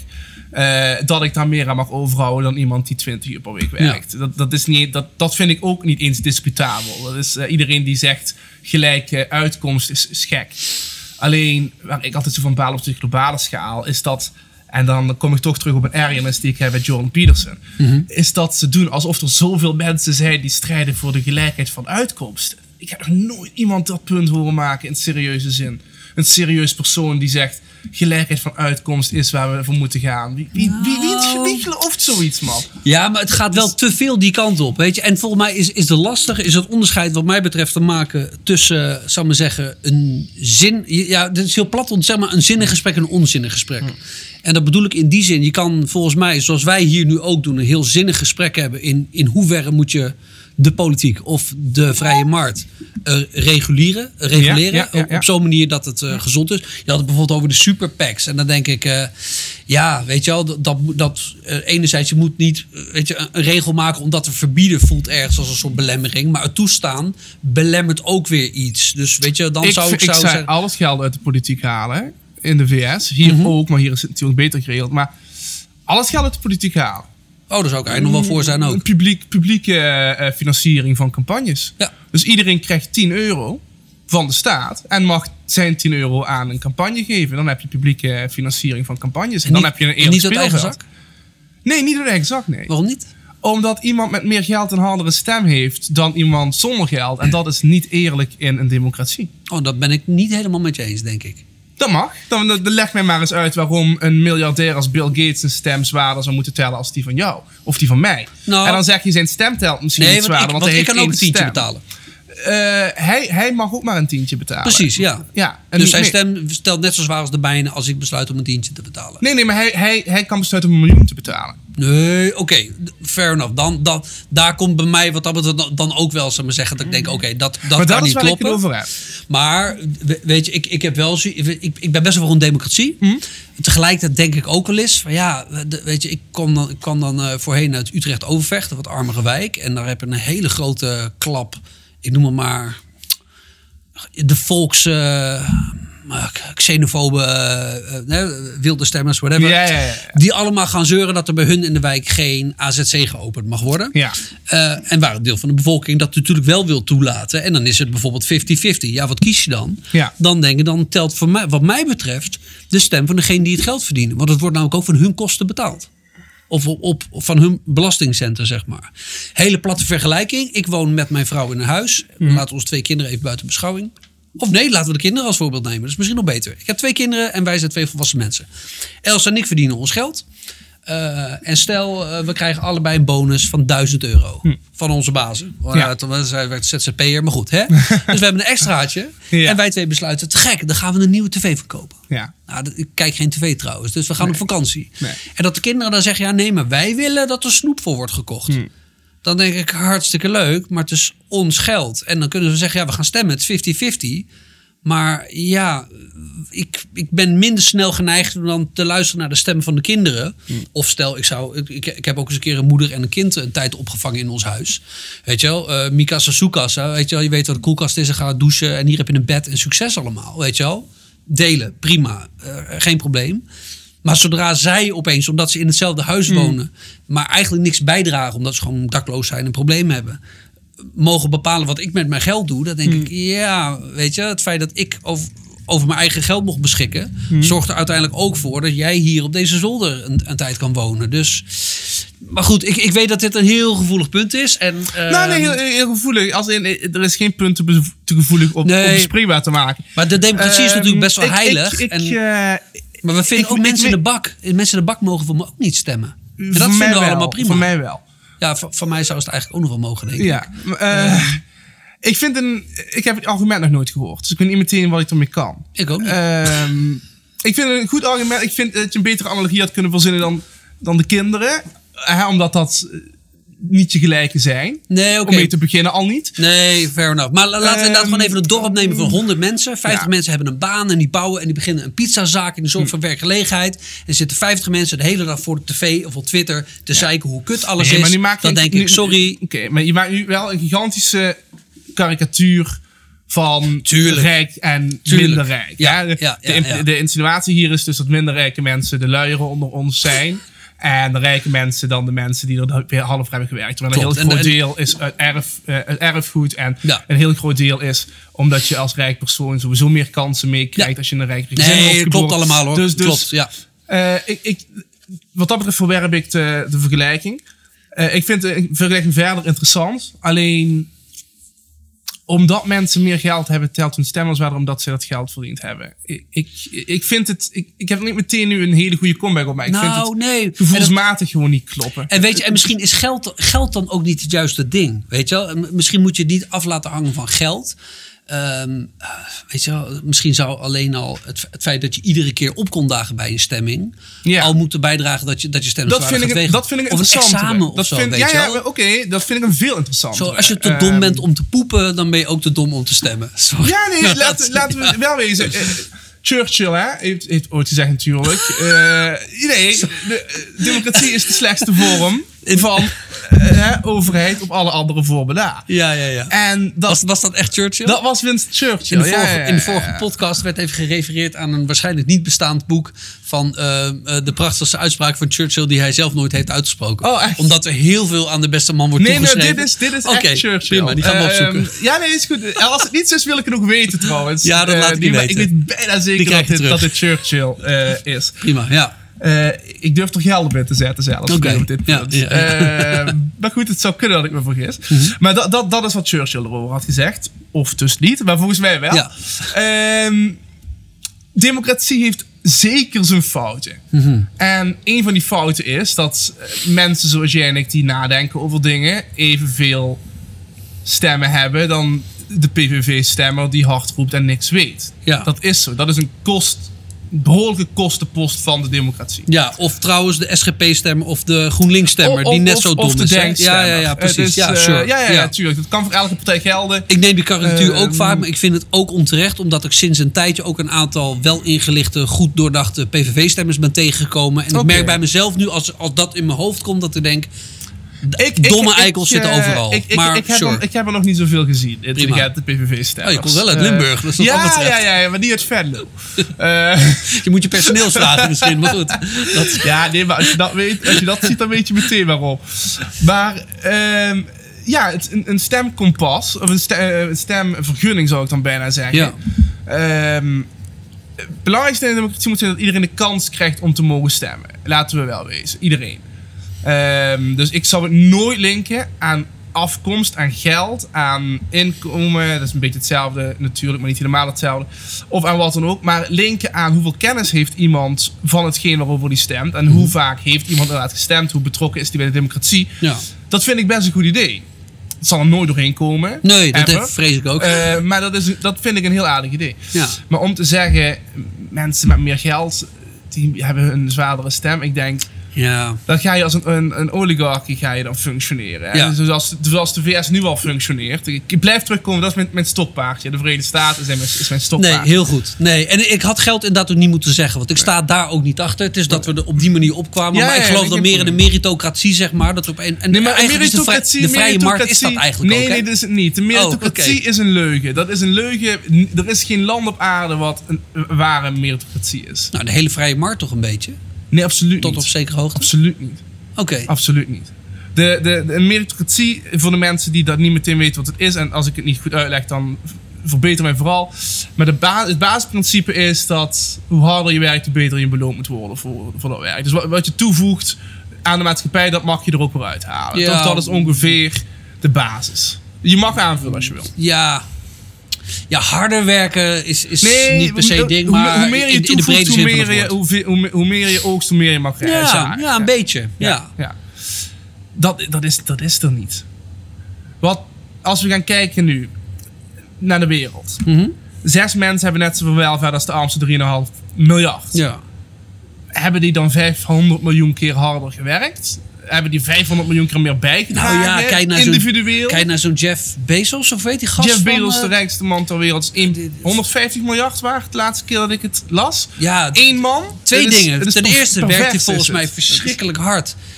Bouwt hij Ja. een, een mogelijke wijze, ik ken het verder niet zo zo. goed, eh, bedrijf. Is ook eh, zo. voor bakken met mensen. eh, Die die niet betaalt verder. Maar ja, is zo. Nou ja, sure, een soort van werkgelegenheid. Laten we, laten we het daarbij houden. Ja. Ehm, weet je, dus vast ook van alles op af te dingen. Nee, Prima. maar goed, de kolonie zorgt ook voor werkgelegenheid.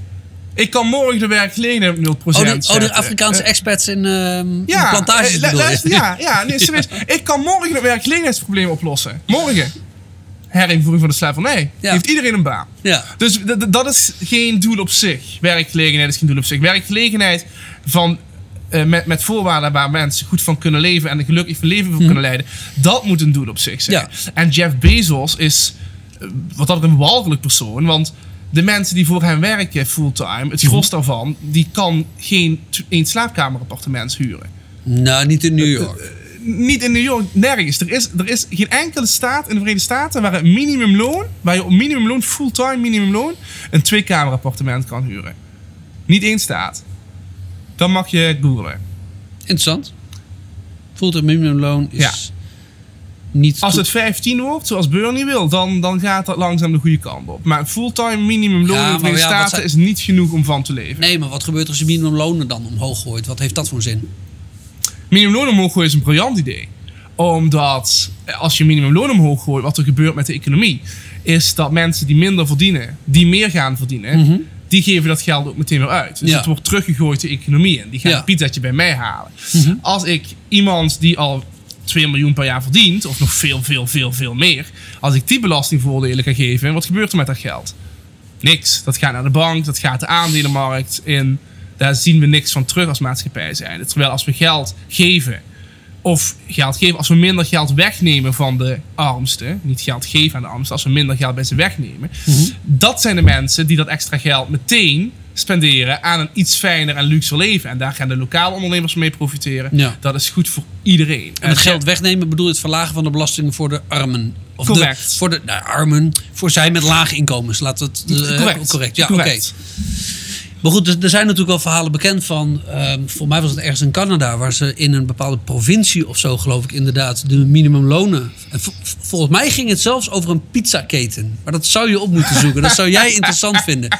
Daar ging het van 12 naar 15. Ja, in één keer. Ehm, ja, Ja, maar dat is ook erg hard. Wa- waardoor ehm, de pizza's ook duurder werden. Waardoor Mhm. minder mensen uiteindelijk de pizza's gingen kopen.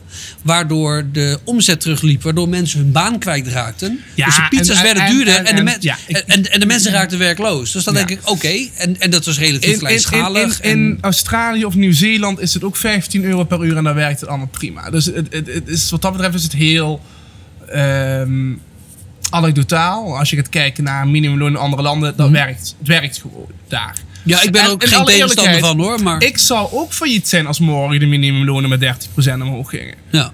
Dus ik heb het niet zozeer over van vandaag op morgen. Maar ik heb het over een systeem waarin een minimumloon op zijn minst inhoudt. Op zijn minst inhoudt. Dat je ervan kan leven fatsoenlijk. ja. Op zijn allerminst. Dat je zorg hebt. Dat je educatie kan hebben voor je kinderen. Dat je eh, nog op vakantie kan in het jaar een keertje. Mhm. Dat is absoluut het minimum van wat minimumloon moet, moet Ja, nou, inhouden. nou zou ik het met die vakantie misschien minder eens zijn. Maar inderdaad, wat je stelt, als iemand op een minimumloon werkt bij, nou hier in Nederland dan bijvoorbeeld de HEMA. Maar daar, en, en je, bent, je bent bijvoorbeeld zoals jij 27 of zoals ik 37. En je zou daarvan niet in staat zijn om, laten we Nee. zeggen, degelijke basale huisvesting te hebben. Ja, dan, dan Ja, zou maar ik dat is ook dus denken, het geval met, met die. Jeff Bezos die jij noemde en zijn personeel. Terwijl de man 115 miljard waard is. Wat moet Ja. je met dat geld? Nee, ik, ik snap dat hij niet 115 miljard op mijn rekening heeft staan. En voor iemand in je publiek taal, ik denk Dank is, dat is was mijn volgende vraag namelijk. Eh, Eh, ik ben geen idioot, ik weet... Weet ik, weet ik, weet ik. Als die Maar jongen één keer het- per ongeluk eh, een dikpik op Twitter zet, dan is hij waarschijnlijk ook in één klap dat 100 heeft, hij, miljard br- dat kwijt. heeft hij wel briljant opgelost, dat verhaal. Hè, van de dickpic van Jeff Bezos. Is er echt iets Eh, gebeurd? Ja, Dit- ja, ja, ja, ja. Dit is echt com- dit Nee, komt compleet uit mijn zieke Ik- Ik, geest, dacht, maar- nu komt hij, nu komt hij Nee, echt nee, met nee, een, ik weet- eh, ik weet van niks. Jeff Bezos, die had, ik weet ook de details niet, maar Oh, hij, hij had een of ander schandaal met Oh, dat, dat, hij, eh, dat er een foto van hem was. En toen heeft hij volgens mij gewoon gezegd van, ik maak het zelf wel openbaar of zo, dan heb je niks voor om mee te chanteren. Zoiets was het. Maar ik heb de details niet gevolgd, maar er was iets met Jeff Bezos en een dickpic. Iets, Oh. iets, iets. Eh mijn vraag wordt dus niet om de details, want ik ken ze niet, maar Oh, er dit was had- iets... Dit had ik niet verwacht. Nee, nee, oh, dat, shit. dat ja, de reactie. Ja. Maar... eh, Ja, die eh, Jeff eh, Bezos is heel groot geworden. Ja, heel groot geworden. Onze, onze Jeff. Wat een lul. Op meer, op, is op meer plekken kaal. Maar dat, dat, dat. Dat, dat er Oh. zijn. Het, het, het punt is, we leven in een wereld waar één man een waarde heeft van 150 miljard.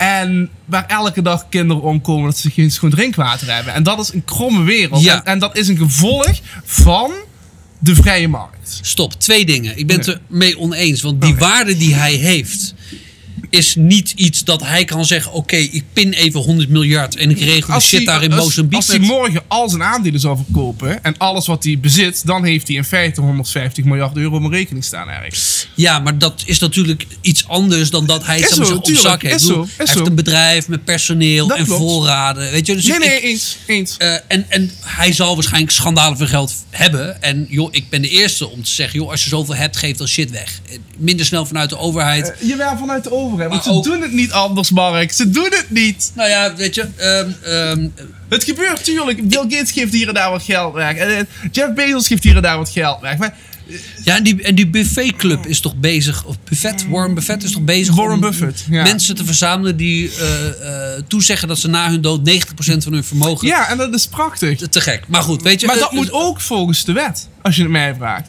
Oké, nou, da- daarin verschillen we dan misschien van mening. Als, lu- luister, wie kunnen we beter belasten dan dode rijke mensen?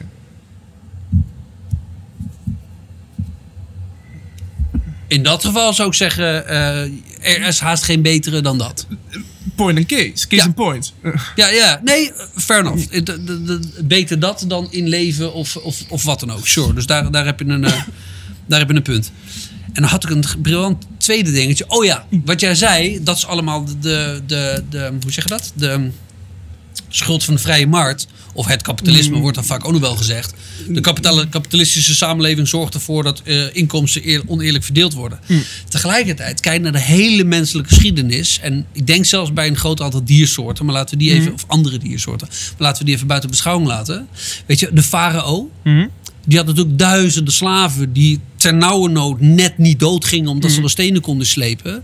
En die gozer werd begraven met, met bakken goud. Dat was geen kapitalistische samenleving. Nee, dat was geen kapitalistische samenleving. Was ook een samenleving met ehm, eh, restrictieregels die eerlijk zijn voor de bevolking verder. Dit was gewoon een dictatuur. Ja, En ik zeg altijd het volgende. Als je het hebt over een totalitaire maatschappij, dan wordt alles wat je eronder zet, na het woord totalitair, is niet meer de causale correlatie die gelinkt is aan de uitkomsten in die maatschappij. Daarmee bedoel ik het volgende. In een totalitair regime, een totalitair communistisch regime, een totalitair fascistisch regime, een totalitair socialistisch regime, eh, een totalitair kapitalistisch regime kan bijna niet, want dat sluit elkaar wel een soort van uit, geef ik toe. uh, zijn de meningen Ehm, over verdeeld, maar goed, ga door. Ja, ja. eh, ja, maar dan ga je richting het fascisme, denk ik. Ja, ik denk het wel. Eh, ja, oké, Ja. maar dat heb ik dan nu niet per. Maar oké, mijn punt is: als je er totalitair voortzet, dan is wat erachter komt niet meer causaal relevant. Dus dan, dan gaat het daar niet meer over. Communisme werkt niet. Nee, maar oké. Echt communisme, niet dat ik communisme verdedig, want ik geloof er niet in, maar het is nooit geprobeerd. Totalitaire communisme is geprobeerd. Oké, maar hoe ontstaat er dan iets als communisme wat niet totalitair is? denk Laat me niet de dat het vra- kan. Dus, precies. Dus, Nee, nee, kan niet. Oké. Maar ik ben geen fan van communisme, hè? Nee, maar ik ook het verdedig socialisme, dat je zegt, bij de wet moet je mensen belasten. Dat Ja. betekent dus een overheid met een, een geweldsmonopolie, dat Ja. jou, als jij het niet zelf opgeeft, Ja. komt halen. In welke mate is dat niet totalitair? dat is in dezelfde mate niet totalitair dat de overheid het geld komt halen als jij de wegenbelasting niet betaalt. Of het geld niet komt halen wat voor defensie bedoeld is. Hm, Zeker. In dezelfde mate is dat Ja, totalitair. Oké. Dus hoe meer overheid je zou willen in dat opzicht, hoe totalitairder het wordt. Nou, nee, niet noodzakelijk. Niet noodzakelijk. Eh, als je zegt van dat is de enige factor die we meenemen in hoe, hoe totalitair een overheid is, dan ja, tuurlijk. Ehm, maar met meer regels, of dat nou het gelijk zijn aan een totalitaire overheid, daar ga ik niet in mee, denk ik. In die- Nee, kijk, kijk wat, wat, ik, wat ik je moet geven natuurlijk is of je nou 1% belast of 99% belast. Als ze die betaalt, komen ze het halen. In dat opzicht zijn ze natuurlijk evenredig totalitair. Het is ook zo dat als je mensen 99% belast, dat ze daar een stuk meer last van hebben. En uiteindelijk, Eh, nou, eh, weet het je, gaat om het doel van wat gebeurt er met dat geld. Ik vind als de overheid bij jou geld komt halen om kinderen te voeden. Dat is niet totalitair. Dat lijkt niet eens totalitair. Als de overheid bij jou geld komt halen om hun eigen eh, standbeeld te bouwen op het Rode Plein. Mhm. Dan hebben we het over een totalitair regime. Dus het gaat me niet zozeer om. Komt de overheid geld bij je halen? Het gaat erom waarom komt de overheid geld bij je halen? Oké, maar kijk naar de voorbeelden van eh Nazi-Duitsland, eh, communistisch China, de Holodomor in Oekraïne, Ja. Venezuela. Ja. Ehm, Dat, dat zijn komt, er, komt er niet het punt dat het op een gegeven moment zo erg misgaat dat je denkt, ja, misschien dat het gewoon überhaupt niet werkt? Maar Geld halen om kinderen te voeden? Nee, natuurlijk niet. Waar, waar- kijk naar Scandinavische landen nu. Mhm. Ja, want jij noemt vier voorbeelden waarvan er drie 70 jaar geleden zijn en met een dictator. En Venezuela is arguably ook met een dictator nu. Ehm, maar, wat ik al zei, zodra er totalitair voor staat, dan, dan geldt het argument niet meer voor de resultaten van die maatschappij. Oké. Dus, vind ik. Dat is mijn mening. Als je een totalitair regime hebt, een totalitair socialistisch regime, Ja. dan vind ik dat je niet de fouten, even kijken, de empirische fouten in dat systeem kan wijden aan het stukje socialisme. Dan is het waarschijnlijk meer te wijden aan het stukje totalitair, Oké, eh, check. totalitair beleid. Ja. Maar dat geldt ook voor kapitalisme of fascisme. Sure, ja. Dus ik vind dat soort voorbeelden nooit zo goed. Van, Nee, ja, dan heeft Po- Peterson, ik blijf toch weer Peterson terugkomen, heeft het dan inderdaad over eh, communisme in, onder Stalin. Ik denk van ja, maar het, het, het, het probleem was niet zozeer het communisme, ook, maar het probleem was vooral het totalitaire gedeelte. Net als onder het fascisme van, van Hitler. Mhm. En net als onder eh, nu Maduro in, in Venezuela, hoewel Ja. daar veel meer speelt nog dan dat. eh, Allicht. natu- Ja, natuurlijk. Ja, ja, Ehm, dus ik vind dat een soort cheat. ja. Ik vind het een cheat om een totali- totalitair regime aan te halen. Om een voorbeeld te pakken waarom die maatschappij op een ander punt is gezakt. Dat, nee. Nee, oké, maar zou- je jezelf wel socialist noemen? Ehm, ligt En zo ja, wat bedoel je daar dan mee? en ligt aan de aan land, denk ik, waarin je me zou plaatsen. In de Verenigde Staten, absoluut. Ja. Eh, omdat, wat, waarschijnlijk ben jij zelfs een, een links persoon. Als, je, een- als ik jou in de Verenigde Staten zou plaatsen, zou je worden gezien als een links iemand. Waarschijnlijk. Maar waarschijnlijk, en nu ga ik je woorden in de mond leggen, als het niet klopt, dan moet je het me zeggen. Waarschijnlijk ben jij er ook voor dat iedereen moet worden geholpen als ze ziek zijn, ongeacht inkomen. Waarschijnlijk ben je er ook voor dat iedereen educatie moet krijgen, ongeacht inkomen. Ja. Eh, dan ben je daar al een socialist in de Verenigde Staten. Nee, fair enough. Daar, daar- daar, daar, loopt, daar lopen de links en rechts wel eh, echt belachelijk ver uiteen. Ja. eh, natuurlijk. Er is vast trouwens een heel groot gezond midden waar je bijna nooit wat in van de hoort. Verenigde Staten maar, is eh, het nog niet echt een heel goed fatsoenlijk gezond midden. Als je ja, mij of je hoort er gewoon niet van. Maar dat zou natuurlijk Nee, ook nog maar goed kunnen. Hè? luister, wat mij betreft is Bernie Sanders het midden. Ik moet de beste man dus wat beter onderzoeken, denk Ja. ik. Want jij tagt mij altijd in van die uitzinnige ja, berichtjes. ja, en EOC is ook, is ook het midden. Eh, niet, niet in Amerikaanse begrippen. Nou, laat zeggen naïef maar in, midden. in maar- onze, in, ja, misschien, misschien een naïeve midden. Ehm, dat, dat, dat mag je zeggen. Maar als je het gaat kijken naar onze schaal, dan zijn dat geen extreem linkse mensen. Zijn ze gewoon niet. In de Verenigde Staten hebben we een regressief belastingssysteem. Hoe rijker je wordt, hoe minder belasting je betaalt procentueel. ja. Dat is waanzin. ja, zou ik ook in die zin geen voorstander van zijn. Nee, precies. Dus wat dat betreft zijn wij allebei socialisten in de Verenigde Staten. Jij en ik, ik veel meer waarschijnlijk nog, maar jij ook. Maar ben ik een socialist in Nederland? Eh, ik stem GroenLinks, dus wat betreft ja. Nou stem ik ook GroenLinks omdat ik strategisch stem. Wat inhoudt, Oké. ik, ik stem altijd verder de kant van mijn ideologie op dan ik hem echt heb. Oh ja, ik doe precies hetzelfde. Oké. Ja, ja, ja, nou ja, ja. goed, dat, dat doe ik dus ook. Ja. Omdat ik dan denk, eh, waarschijnlijk hetzelfde overweging als jij.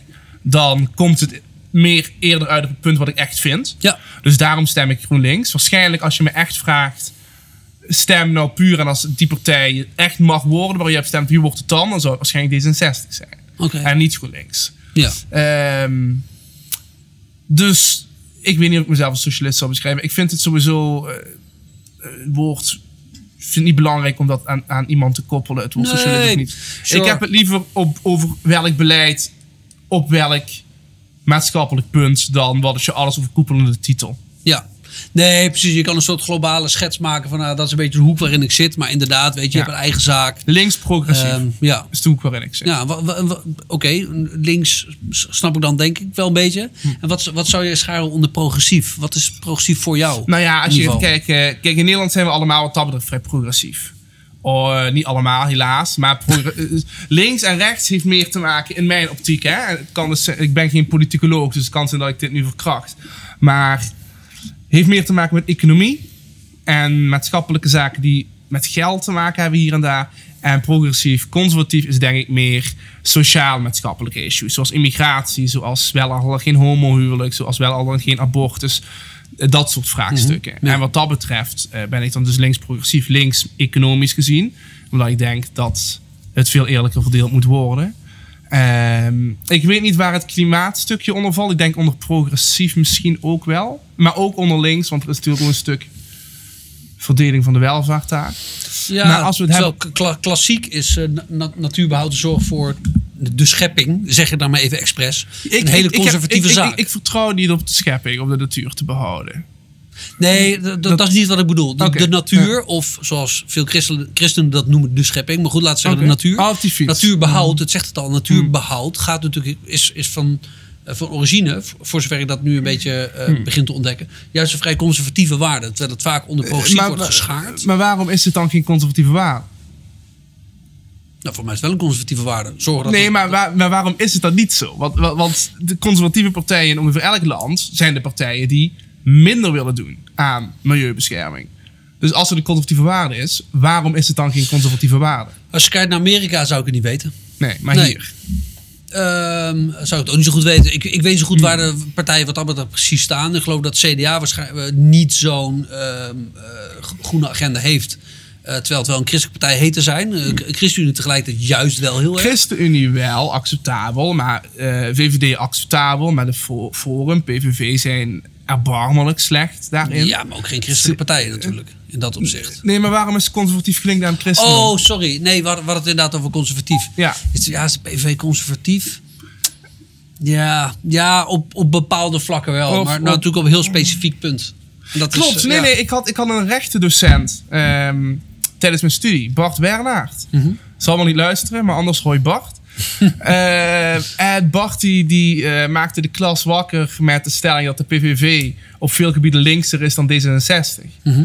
En daar had hij gelijk in. Oh, dat geloof ik ook wel. Daar Ja. had hij absoluut gelijk in. Maar waarom de PVV als een, even aanhalingstekens voor de mensen die het niet zien, extreem rechtse partij wordt bestempeld, is vanwege hun extreme uitspraken op bepaalde gebieden. En het lijkt, het is geen one-issue partij, maar het lijkt af en toe een one-issue Ja, partij. En zeker. daarom worden ze gezien als recht. Ja, Ehm, ze zijn economisch vrij links. ja De zeker. PVV zijn ze gewoon. Ja. Eh, Forum is economisch wat rechtser, maar ook vrij links. Zij willen een belastingvrije voet van 20.000 euro. Wat ik het beste idee vind uit, ik denk, bijna elk partijprogramma. Ja, oké.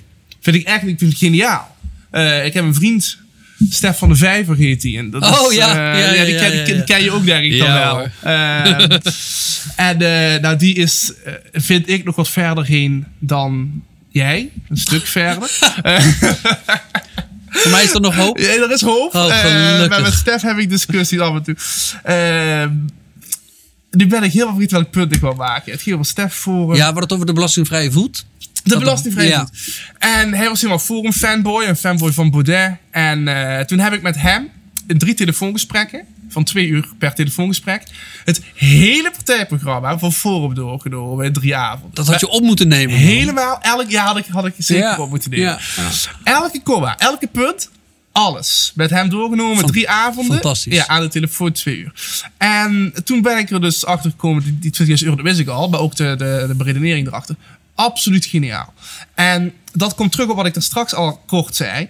Als je de armeren onder ons zorgt dat zij meer geld hebben, Mhm. dan gaan ze terugsteken in de economie en daar profiteren we allemaal van mee. Ja. En dat is de beredenering van Forum ook. Dus zij Ja. hebben ook hele linkse ideeën daarin. Maar we zitten nu Ja, terwijl belastingvrije voet klinkt mij juist vrij Mm. is een eh, links liberaal. idee. Nee, een belastingvrije voet is een links idee. Geen belasting. Hey. Nee, nee, belastingvrije voet tot een bepaalde hoogte is het een links idee. Ja, maar is dat alleen maar van eh, arme mensen zijn zielig en ze worden onderdrukt Nee. door de rijken? Of is, dat gewoon, is het gewoon een goed Ma- idee? eh, ma- maar maakt de, maakt de motivatie erachter echt uit dan? oh ja, ergens, Want ergens de, want, wel. want de consequentie is dat de armsten onder ons, die wel werken, en dat is even een heel belangrijk hierin, dat die meer geld overhouden. Mhm. Ja. Dus eh, je mag het voor mij ook recht, interesseert me geen fuck. Eh, waar het mij gaat, is dat die mensen meer geld overhouden. Ja. En dat we er allemaal van mee profiteren. Ja. Dus ik vind dat idee. Eh, Wat ik zei, ik denk dat ik het het beste idee vind uit alle verkiezingsprogramma's. Oké, ik vind het en, ook maar ik tof. veracht Forum voor Democratie. Oh, waarom? Eh, al is het maar vanwege Thierry Baudet. En omdat iedereen altijd zegt hoe erg ik op die man lijk. En dat is, dat is alleen Ik snap hem wel. Ja, Ja, ja. Dat, dat- ik hoor Ja. het, eh, iedereen zegt er altijd van, "Oh, je hebt exact hetzelfde karakter als Thierry Baudet. Dan wil ik ze slaan. maar ik, ik, ik moet erkennen, ik Oh. zie af en toe de vergelijking ook nog wel zitten. Maar ik, ik, ik kan hem gewoon heel slecht hebben. Ehm, maar ook gewoon zijn gelul over, over klimaatwetenschap en, en zijn immigratiebeleid. Ik kan er, zo, ik kan er gewoon heel slecht tegen. Ik kan er heel slecht tegen. Ja. Maar dat is een goed idee. Alleen wat ik dan weer zo jammer vind, is dat er nergens in dat hele partijprogramma fatsoenlijk en realistisch wordt uitgelegd hoe ze dat willen betalen. Ja. Er staat dan ergens van het betaalt deels voor zichzelf, want het trekt mensen uit de, uit de, bijke- uit de bijstand en uit uitkeringen, want er, valt, er blijft meer geld over van werken, dus mensen gaan eerder werken. Wat gewoon klopt. Ehm, en daar hou je dan dus weer meer inkomstenbelasting aan over en minder geld kwijt naar uitkeringen. En dat is allemaal waar, maar het betaalt niet het, het plan is, doet het gewoon niet. En dan hebben ze het over, ja, als we uit Europa gaan, dan denk ik van, oké, hou nu maar op, want we gaan nooit uit Europa. Het gaat gewoon niet gebeuren. Dus als je een, een partijprogramma schrijft om, we gaan uit Europa, dan, dan zet je jezelf al compleet buiten spel, want we gaan nooit uit Europa. Dus dat, dat gaat gewoon niet gebeuren. Dus dan, dan denk ik van, wat ben je voor een onserieus persoon verder? Nou, ja, ik, ik ben niet per se zo'n anti, eh, anti-EU-boy, moet ik zeggen. Maar ik ben wel heel benieuwd wat er gebeurt met zo'n Brexit bijvoorbeeld. Ik, Ik- volg ik- het met grote interesse. Anders ik wel, voor zover ik nog tijd heb om te volgen met interesse, maar... Ik- Omdat je bang bent dat je bijna in het graf ligt? Nee, omdat je- nee, ik heb, wat ik zei, 70 uur per Omdat week je hard werkt, werken, oh. eh, 7 uur per week sporten. Ik dacht dat je bedoelde, ik ga het niet meer meemaken. Nee, oh, dacht, oh, nee, nee, nee. Oh joh, dat zou kunnen hoor. Dat ik in deze dagen inderdaad hier aan de top bengel ergens van de stress. Maar eh, nee, dat is het niet. Dat is het niet. Het, het, het is toch 70 uur per week werken, 7 uur per week sporten en een relatie onderhouden. Dat is het vooral. Ja, nee. Maar daar rondomheen waar het kan, dan probeer ik toch wel te volgen. En ik begin langzaam te denken dat het helemaal niet meer gaat gebeuren. Oké. Ik weet het niet. Ik hoop dat het niet meer gaat gebeuren. Eh, heel erg natuurlijk, want dat zou voor ons allemaal een drama zijn als de Britten eruit stappen. Ehm, maar ik, ik, weet het, ik weet het gewoon niet. Maar wij gaan er niet uit. Want als de Britten eruit gaan, dan denk ik dat ze er echt aan gaan. En dat, dat, dat zorgt er echt wel voor dat geen enkel ander land ooit nog zo stom is om dat te gaan proberen. denk ik. Dat is mijn vermoeden ook een beetje Ja. trouwens hoor. Ik, ik denk dat het een redelijke shitstorm wordt. Ja, Maar wie weet, Maar misschien dan- wordt het te gek. eh, weet je? eh, We hebben het nooit geprobeerd op deze schaal. Nee, Het is, net, het is net als de invoering van het, ehm, van het basisinkomen, waar ze over stemden in volgens mij Zwitserland, iets van een jaar geleden, dat ze het landelijk zouden invoeren. Ja.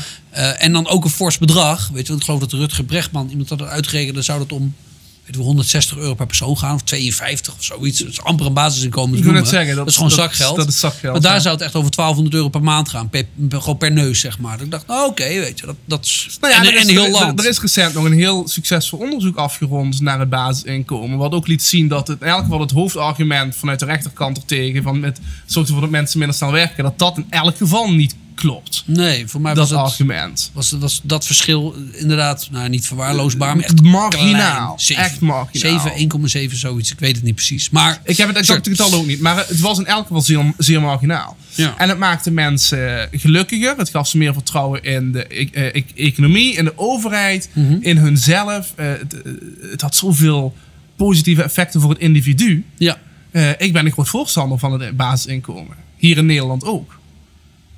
Maar ook, maar ook van geld overhouden aan eerlijke arbeid en eerlijk werk. Ja, oké. Ja, nee, tu- tuurlijk. Dat, dat zijn nou twee verschillende dingen. Ja, ik, ik, ben, ik ben heel ambivalent als het gaat om het basisinkomen. Ergens ben ik heel erg voor nou, vrijwillige deling van welvaart. Maar weet je, een basisinkomen is, is op een gegeven moment, weet je... We hebben ook allemaal toegang tot deze wegen. Weet je, dat betalen we ook een beetje met z'n allen. Iedereen mag Klopt. het gebruiken. En als we inmiddels eh, productieprocessen zo hebben geoptimaliseerd dat, nou ja, weet je, de gebraden kip je bijna eh, vanzelf de bek invliegen.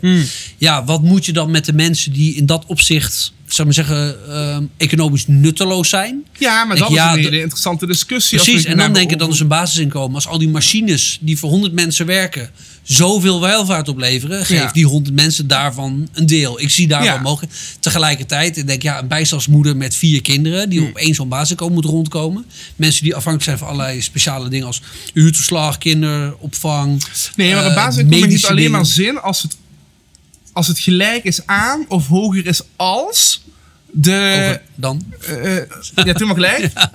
Sorry. Als het gelijk is aan of hoger is dan ehm, de som die je nu zou krijgen uit de subsidies. Ja, Anders is het kansloos, anders heeft het geen zin. nee, het, het, het zou... Anders is het ook een, geen links idee meer. Nee, het moet het, moet het op, op zijn minst benaderen. Maar waar ik heel erg mee zit, van stel je bent een bijstandsmoeder met vier kinderen, Mhm. bijvoorbeeld, schoolgaande kinderen. Dan is het te weinig. En wat doe je dan? Nee, en nu dat- hebben we dat nog is- regelingen die, die die die mensen helpen. Maar die regelingen gaan eraan natuurlijk. Nee, maar dat is dus mijn voorwaarde voor het basisinkomen. Dat het dus gelijk is aan of groter is dan ehm, de som die ze nu zouden krijgen met al die subsidies. Ja, Dus maar, het- maar, maar anders dan is het er geen een- basisinkomen meer. Jawel, dan ga je kijken naar iemands persoonlijke situatie en pas je daar een bedrag op aan. Nee, het moet voor iedereen meer zijn dan dat. Als jij 1200 euro zou krijgen en ik zou 1200 euro krijgen. En jij hebt eh, gewoon eh, je leven en ik eh, zorg in mijn eentje voor vijf jonge kinderen. Mhm. Vind jij dat ik meer zou moeten krijgen dan jij? Eh, in het basisinkomen Ja, in het basisinkomen? Ja, dat is dus een, dat is een heel lastige discussie. Want als ik nou ja zeg op die vraag, dan is het niet meer het basisinkomen. Klopt. Ja. Maar het, het eerlijke antwoord is ja op die vraag, tuurlijk. Maar dan heb je het over een basisinkomen plus een additioneel pakket. Daar kan ik wel mee leven. ja, maar dan inderdaad, dan wordt het gewoon een soort hogere bijstand voor iedereen zonder En, en, en, en, en dan verliest het, ja, ja, Ja. maar dan verliest het wel inderdaad het, die- het basisinkomen verhaal eigenlijk. ja, en Dus dat, daar, dat zou dat, is een, dat is op zich is dat een goed punt. Ja, en, en weet je, inderdaad, ja, waarom zou je iemand die al een een miljoen of meer verdient dan ook nog dat basisinkomen geven? Ik zal je zeggen waarom. Ja. Dat, is een, dat is een politieke afweging. Omdat eh, universele programma's kunnen meer steun rekenen dan niet-universele programma's. Dus als iedereen het krijgt, is de kans veel minder groot dat het ooit wordt afgeschaft of Ja. wordt beperkt. Dus ik zou zeggen, zelfs dat. En omdat ik het stigma van bijstand eraf wil hebben. Ja, Dus nee, ik, wil het stigma. Wat, wat ik zei, inderdaad, Jeff Bezos krijgt ook zijn 1200 per maand. Ja. Van mij. Ja. Mag die hebben. Ja. Weet je, de, kan hij. eh, kan hij weer een werknemer eh 500 uur voor laten werken, zullen we zeggen. Weet je, van dat geld. Eh, maar goed, anders zit er een stigma op van bijstander. Dat is juist wat ik niet wil. Ik wil juist dat het een universeel recht wordt voor ons allemaal. Waar niemand op beoordeeld gaat worden. Ja. En dat krijg je makkelijker als iedereen het krijgt en als het universeel is. Ja, maar het stopt wel bij de landsgrens waarschijnlijk, of niet? Eh, in eerste instantie wel, ja. Ja. Zoals heel veel dingen helaas nog stoppen bij de landsgrens. Maar ik ben geen tegenstander van grenzen. Absoluut geen tegenstander. Nee, oké, maar dat- dat, dat vind ik zelf eh, ook, nog, ook nog het lastige punt. Dat ik denk, ja, weet je, dan hebben we dat hier. En dan hebben we het alleen maar hier. Weet je wel, wat doen we met... ja, maar ja, eh, wat wil je doen? Dat geldt voor ongeveer elke regel of wet. Je kan het ook Europe- op Europees pakken natuurlijk. Mhm. Ehm, maar wij kunnen hier niks doen wat ze eh, in Madagaskar eh, gaat helpen wat dat betreft direct natuurlijk. Nee. Dus dat, dat probleem hou je met elke wet of elke regel. Dus om het nou daarvoor te Mhm. laten, dan denk ik van ja, Nee, niet per se de reden om het te laten hoor. maar- het is gewoon een vraag die ik me dan stel. Dat ik denk, ja, weet je, wat, gaat dat dan ervoor zorgen dat er nog meer mensen deze kant op willen? Het, Oh. want het is nu al zo. Ik, ik, ik ken iemand die heeft, ja, een bedrijf daar, vrienden wonen, ik weet het niet precies. In ieder geval in, ik meen Kenia. Hm. Ja, daar worden gewoon foldertjes uitgedeeld van, hé, hey, als je naar Nederland gaat, dan krijg je een huis, dan krijg je gratis onderwijs en zorg. En kan gewoon blijven zitten. Weet je, je moet een beetje opletten dat, dat je vrouw, eh, die, weet je wel, soms een uitleggen van je moet wel een beetje opletten dat je, weet je vrouw niet slaat en dat je een beetje zus, weet je, een beetje ja, van dat, ja, ja, van even- dat soort dingen. Maar verder, je hoeft er maar heen te gaan en ze staan klaar met koffers geld voor je. Je kunt gaan zitten en dan krijg je gewoon, ik geloof dat ze daar zeiden dat Maar- je 2000 euro krijgt per maand. Maar is dat ook zo? Nee, dat is niet Nee, zo. oké, maar ik kan ook een, ik kan, ik kan alles op een pamfletje zetten wat ik wil. Nee, tuurlijk. Maar we- weet je, al- als, als we dit zouden invoeren, dan, dan, dan zie Nee, dan zou je het invoeren waarschijnlijk alleen om mee te beginnen voor mensen met een Nederlandse nationaliteit. En dat heb je niet zomaar. Dus wat dat betreft denk ik dat daar dan niet een direct gevaar voor is. Kijk, we hebben 17 miljoen mensen in Nederland, toch? Ongeveer, ja. Als we dat nou eens even keer duizend doen. Nee, nee, ik, ik, ik, ik, ik snap de som geld die het gaat kosten. Nou, het gaat me niet om de som geld die het kost, want het spaart ook een heleboel uit. Daar ben ik van overtuigd. Maar dan zou ik bijna zeggen, laten we gewoon de, de armste, wat, wat zijn met 7 miljard mensen, dus dit is dan ongeveer 2 dollar, eh, 2 euro, 2 dollar is bijna hetzelfde. Laten we de, de, de armste 20% van de wereldbevolking nemen en die gewoon 10 dollar per, ehm, Ideologisch is dat een hartstikke leuk idee. ja. Maar dat krijg je er nooit doorheen. Waarom zou je als Nederland de rest van de wereld een tientje per jaar gaan geven? Ja, Of per maand gaan geven? ja, maar waarom zou ik de rest van Nederland dat geven? Omdat ik hoop dat je met de rest van Nederland meer hebt dan met de rest van de wereld. Nou, dat vraag ik me geregeld af. ik ben voor het eerst in Roermond. je. ik ben wel een keer in nee, Amerika dat geweest. Dat dus is, dat is ook wel waar. eh, Nee, maar laten we even wel wezen. Omdat alle andere systemen en elke andere vorm van welvaartverdeling en van belasting ook voor bij onze landsgrenzen ophouden. Voor Ja. het grootste gedeelte. Hè? Dat een, iemand die terug in Marokko nog WW krijgt, dat zijn Ja. kleine, marginale puntjes op de begroting natuurlijk, dat soort dingen. Maar we hebben het altijd over dingen die ophouden bij de landsgrens of, Ja, bij, de nee, Europese, dus. of, bij de Europese grens. Dus Nou, maar daar ben ik mee oneens. Want, ehm, eh, en, en, en ook, je, bent je bent geen tegenstander van de vrije markt, dat snap ik. Dus, Nee, nee, weet ben je, ik dus ik- ben je niet per se daarop aan het aanvallen nu of zo. nee, kom van mijn maar eh, als ik hier naar kijk, want tuurlijk stopt dit bij de landsgrens. Tegelijkertijd, weet je, eh, de vrije markt. Ik, ik heb tot voor kort had ik een eigen, eigen webbureautje. En mijn development besteedde ik uit aan de Oekraïne. Ja. En dan zat de jongen, die, was, eh, nou, die, werd, die had er nog een een of ander baantje. En dat beviel hem niet zo. Die dacht, ik ga WordPress developer worden. Ik begin mijn eigen bedrijf. En had een cameraatje gekocht, heel goedkoop. Had hij een vlogje opgenomen. En via zo'n platform bood hij zijn dienst aan. Hey, ik ben WordPress developer. Weet je, op zijn laptopje in een, in, in een eh, soort studentenkamer in Korostan of Kiev waar die zat. Ook nog gedeeld met een huisgenoot, weet je wel. Ja, dus gewoon echt, dat ja. kunnen wij ons bij niet Zoals voorstellen. Jeff Bezos ook begon. Precies. Ja. Dat- dus, en, en die gozer die, nou, die maakt dan zijn websiteje. En nou, dan weet je, dan verdient hij, ik geloof 25 euro per uur of zo betaalde ik hem. Dat is daar behoorlijk wat. Want volgens mij is daar een maandsalaris iets van 300 of zo, zo'n beetje. Dat is goed geld daar. Ja, ja, ja, ja. Dus, eh, en, en dan kwam inderdaad later was een filmpje dat hij, ja, ik heb net mijn eerste klant gehad. En dan ging die 100 euro of zo, equivalent van 100 euro, ging die pinnen. Ja, ja, en helemaal de shit. Dus, en wat hij nu dus heeft, is gewoon een klein bedrijfje met een aantal gasten. En hij houdt lezingen over ondernemerschap. Ja, dat is en daar super. gewoon heel in het klein krijgen het voor elkaar om gewoon welvaart te vergroten voor hem. ja. Voor, voor ons. En dan denk ik, oh wauw, weet je wel. Dus eh, Ja, maar als we het gaan hebben over globale problemen, moeten we ook gaan hebben over globale participanten. Dus, Ja. dus om hier een gesprek te hebben met, we gaan eh, als Nederland iedereen een tientje per, per, per maand. Ik- ik- Hartstikke leuk ideologisch idee, maar Nee. Dat, Nee, ik, we ik, we ook niet geen zo. Nederlands belastinggeld ophalen voor de rest van de wereld. Of ja, Nee. deels wel. Hè, want we, hebben, we besteden genoeg geld aan ontwikkelingssamenwerking. Mag voor mij nog wel wat meer. Zal je Mhm. niet verbazen. Ehm, maar ik denk dat we als land, samen met de Scandinavische landen en Canada strakjes, en misschien Australië, moeten laten zien dat het werkt. En dan hoop ik dat vervolgens meer landen dat voorbeeld volgen. En het, En, die en, wat dan precies volgen? Het, het voorbeeld van het basisinkomen. Oh, oké. Want daar, daar, daar ging het volgens mij over. Zeker als je straks, wat jij, wat jij zei, dat klopt helemaal.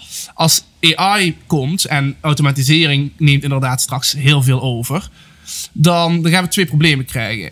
Eh, Even los van de doemscenario's van Terminator. Ja, dat, ja, eh, los, ja. los daarvan. Twee economische problemen. Nee, twee problemen. Eén economisch probleem. Dat is het stukje, er is niet meer genoeg werk voor iedereen. Ook al zou iedereen de meest gemotiveerde persoon op aarde zijn om werk te vinden. Het is er niet, dat is één. Maar twee is een maatschappelijk probleem. eh, Individueel maatschappelijk probleem. Dit gaat gelden voor het individu, maar het woord maatschappelijk is wat ik daarmee bedoel. Dat is dat we een, een gebrek krijgen aan een doel in ons leven. Eh, want ondanks dat ik Jordan Peterson vanavond een aantal keer heb aangevallen, eigenlijk bewonder ik de man best wel erg op bepaalde aspecten. En dat is dat hij ook zegt: het leven heeft alleen maar zin zolang je verantwoordelijkheid hebt. Ja. Anders is het alleen maar korte termijn pleziertjes. En korte termijn pleziertjes die doen niks toevoegen, of bijna niks toevoegen aan jouw algemene zin van het leven. Dat is probleem 2. En hoe, hoe counter je probleem 2?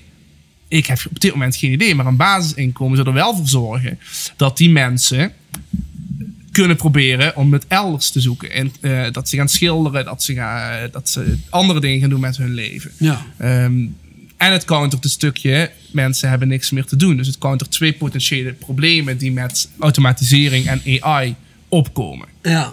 ja, ik vind het echt zo interessant tegelijkertijd als ik kijk dat er nu mensen geld verdienen met YouTuber zijn. Of games streamen. Of inderdaad kunstenaars, weet je die echt niet zo goed zijn als dat ze Nee. twee, twee eeuwen geleden dat predicaat Niet, verdienden. niet eens een beetje dat. Nee. Ik, ik erger me kapot op moderne kunst, Mark. Ja, ja. Ik kan daar zo slecht tegen. Ik, ik, op een gegeven moment stuurde mijn vader, mijn vader en mijn moeder, die, die weten dat. Hè, dat ik, ik, ik, heb, ik vind kunst prachtig, zoals in het Louvre hangt.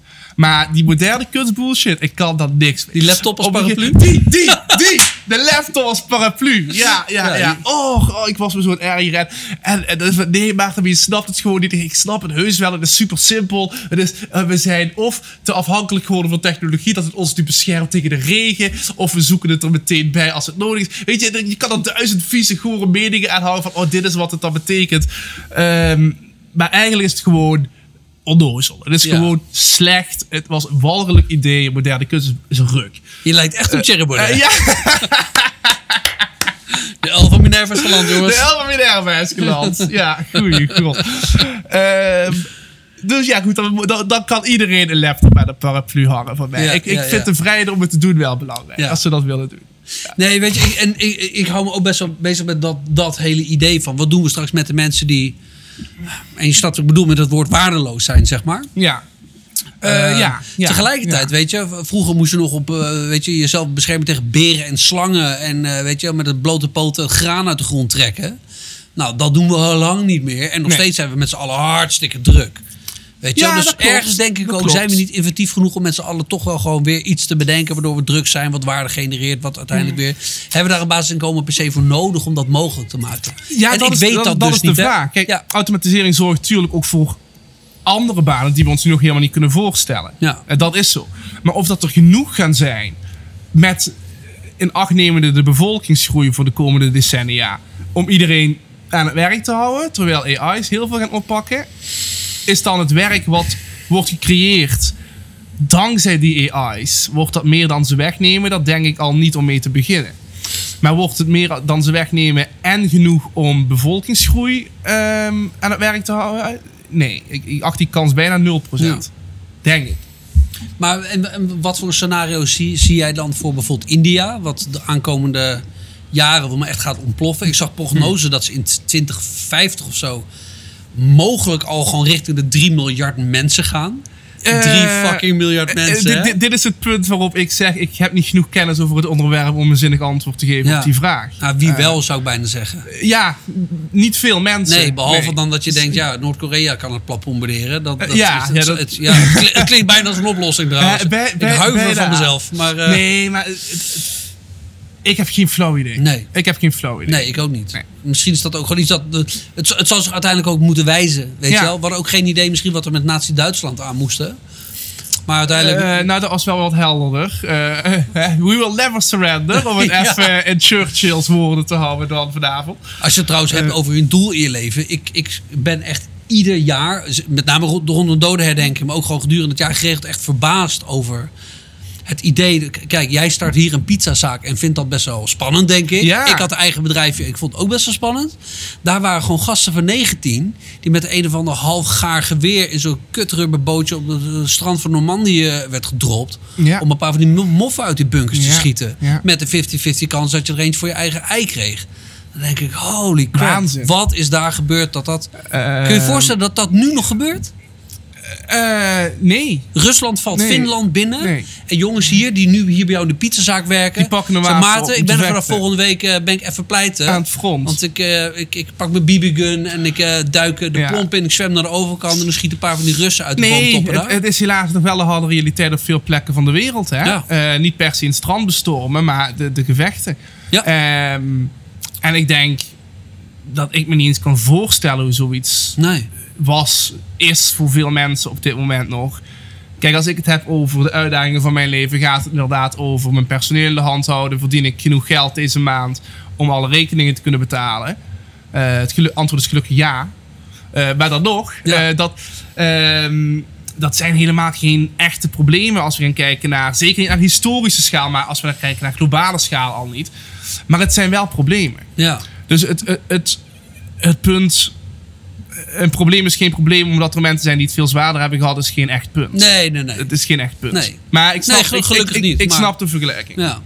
Ik vond het frappant dat destijds ik mijn contact had met de jongen uit Oekraïne. Nog steeds trouwens hoor. En we gaan elkaar hopelijk over tijdje ook in het echt zien. Wordt Ah, leuk. nice. Ja. Ik overweeg zelfs een opname met hem. Dat lijkt me nog wel leuk. Maar hij studeerde dus ondertussen ook nog. Want als zei hij hey, heb je tijd om de klus op te pakken? Ja, ik, ben, eh, eh, ik heb morgen een tentamen. Ik zei, oh, je studeert nog? Ja, ja, wat studeer je? Nou ja, economie of zo, weet ik veel. Ik zei, god, te gek, wat, wat spreekt je er zo aan? Ja, helemaal niks, maar ik studeer nu vier jaar, want anders moet ik het leger in. Ja. Moet je het leger in? Oh, dienstplicht, oh vervelend. Hij zegt, nee, 100 kilometer hier verderop schieten mensen op elkaar. ja. Ik zeg, what the fuck, serieus? Maar ja, dat is dus gewoon voor hem... Weet Dat je, is de hij, hij kan het horen donderen van, van schieten. En ik denk, hey, holy shit, ik schrik al als hier een uitlaat knapt, Ja, weet ja, je wel. ja, nee, Dan denk ik, what the fuck, en daar schieten ze elkaar gewoon uit de boom. Ja, ze zeggen wel eens, eh, hè, het cirkeltje van harde tijden creëren harde mensen. Harde mensen creëren makkelijke tijden. Makkelijke tijden creëren zwakke mensen. En zwakke mensen creëren lars- eh, lastige tijden. Oh, en zo, gaat, zo gaat het cirkeltje steeds rond. We zitten nu in, ma- in Wow. makkelijke tijden. We creëren zwakke mensen die gaan zorgen voor moeilijke tijden. Die gaan zorgen voor sterke mensen. Die gaan zorgen voor goede tijden. En dat gaat rond en rond en rond. Oh, die vind ik interessant. Ja, die Oh. vond ik ook altijd heel interessant. Ik hou wel van dat soort schemaatjes die veel te simpel lijken, Ja, maar ja, oh, altijd waar blijken altijd te zijn. waar blijken te zijn, ja. Oh, nice.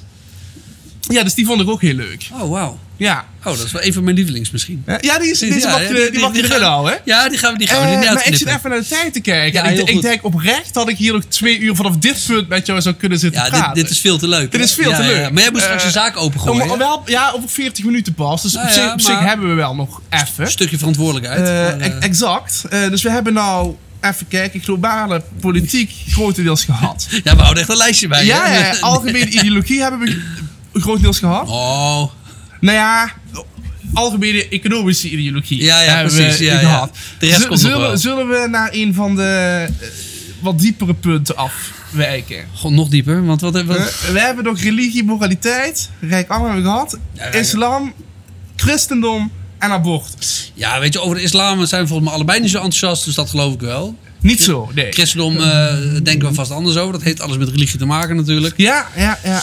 Ja, Ja, ja, ja wat vind jij er eigenlijk van? Ja, ja, dat is altijd een leuke bij jou op Ja. Facebook. Ehm, nou ja, het, het religiestukje vind ik heel interessant. Mhm. Want jij lijkt een heel rationeel persoon. In mijn hoofd gaan rationaliteit en religie niet meteen samen. Dat is niet het eerste woord waar ik aan denk bij een gelovig iemand. Is, oh, die zal wel super rationeel zijn. Nee, snap ik. Ehm, dus ik vraag me een beetje af wat de grondslag is daarvan. Ehm, kleine side note voordat. Oké. D- d- Er zijn een hoop geluiden. Ik ben er zelf wat voorzichtig in. Want ik, ik, ik zou het kunnen citeren, maar ik doe dat graag pas op het moment dat ik het zelf ervaar, doorgrond en doorleefd heb. Maar er zijn er een heleboel, waaronder Chesterton. ehm, eh, en ook het boekje wat ik van Anthony Ruitenbeek getipt kreeg. Dat was eh, de. de eh, nou, in ieder geval, de, de titel zei zoveel als dat we de beschaving eigenlijk hebben te danken aan de katholieke kerk. En ook de, ook de doorbraken in de wetenschap. En, en ook. Chesterton Wat is een is boek? Orthodoxie. Dat is echt mijn favoriete boek aller tijden. Het is meer dan een eeuw oud, maar eeuwig actueel. Die ook eigenlijk stelt dat de, de, ja, een beetje de christelijke religie, en meer in de filosofische zin en niet zozeer per se in het instituut, al ligt dat dicht tegen elkaar aan, juist eigenlijk de bewakers zijn van de reden. Dat zowel de wetenschap als de religie samen strijden tegen dingen als bijgeloof en irrationaliteit. Maar ik zou religie scharen onder de categorie bijgeloof en irrationaliteit. Ja, dat, en dat snap ik. En wat mij dan altijd helpt, een van mijn favoriete schemaatjes. Ik denk dat de mensen die, eh, die mij een beetje kennen, dit waarschijnlijk wel herkennen. Ik deel eigenlijk alles eh, in mijn leven, de hele werkelijkheid, op in drie lagen. En dat dat zijn drie M'en. Drie keer de M van Mark, ook in dit geval. Dat is matter, motion en meaning. Ik doe het Engels omdat het mooi allitereert. Anders krijg je inderdaad iets als ehm, Nee, dan kloppen de emmen niet meer. materiaal, beweging, betekenis. Ik had ooit de basisbeweging, betekenis, nou zoiets. En dit is, en dit is meaning. Kijk, wat mij betreft be- bevindt het, dat het hele godsvraagstuk zich heel erg op het gebied van meaning. Dus van wat betekenen dingen. En niet zozeer op het gebied van materialiteit. En dat is volgens mij fout. vind je dat geen cheat? Want het is... Ik, vind, ik snap wat je zegt, maar het is een beetje een, een cheat, dit, vind ik. Want het beantwoordt... Ja, ja, ja. Omdat het, omdat het antwoord geeft, of zou moeten geven, Mhm. op een feitelijk vraagstuk. Nou, en dat ben ik met je oneens. En dat is ook de fout die ik vind, eh, die veel eh, van, van de hardcore, weet je wel, eh atheïsten Sam maken. Harris, Sam Dawkins, Harris een beetje. Terwijl Sam Harris er eigenlijk wel uitvalt. Want dat is een hele spirituele jongen. Klopt, maar goed, klopt. weet je, dat Dawkins zou inderdaad een goed voorbeeld zijn. Die eigenlijk heel erg in zo'n postverlichtingsdenken zit van alles draait om die materiële werkelijkheid. Mhm. En laten we blij zijn met die materiële werkelijkheid. Ik bedoel, ik hou over pizza, weet je wel. Ehm, en sinds, nou ja, weet je, laten we zeggen grofweg 1500. Ik ben geen expert op dat gebied, Nee, hè, maar nee, nee, nee. weet je, zijn we heel erg bezig gaan met die materiële werkelijkheid. Zo van, oké, hoe zit dat in elkaar? Atomen, de ruimte, beweging van planeten, eh, eh, bacteriën, de, Hmm. de, de hele toestand. Ze hebben ontzettend geïnteresseerd geraakt, maar eigenlijk wel op zo'n manier dat het lijkt alsof alles zich alleen maar in die materiële werkelijkheid afspeelt. ja. En ik vind dat een vrij beperkt, eh, ehm, be- be- be- beperkte kijk op de werkelijkheid. En dat denk jij eigenlijk ook. Als ik jou dingen hoor zeggen over... hey, je moet, ik gebruik even tussen aanhalingstekens... moet zorgen voor arme mensen. En je ziet daar een soort roeping, zou ik bijna zeggen, in. En eh, als je het hier inderdaad hebt over... ja, weet je, je moet ook mensen nog zo'n doel geven in het leven... Dat heeft geen ene flikker te maken met de hele materiële werkelijkheid. Maar hebben allemaal te maken met zingeving, spiritualiteit, betekenis, dat soort Klopt, zaken. maar de claim van een schepper is een materiële claim om mee te beginnen. Het is, het is een claim die een vraagstuk beantwoordt over hoe, hoe zijn we ontstaan. Dat Mhm. is een materiële claim. Ik vind het een materiële claim als ik zou beweren dat God in een soort fysieke hoedanigheid zich zou be- bevinden.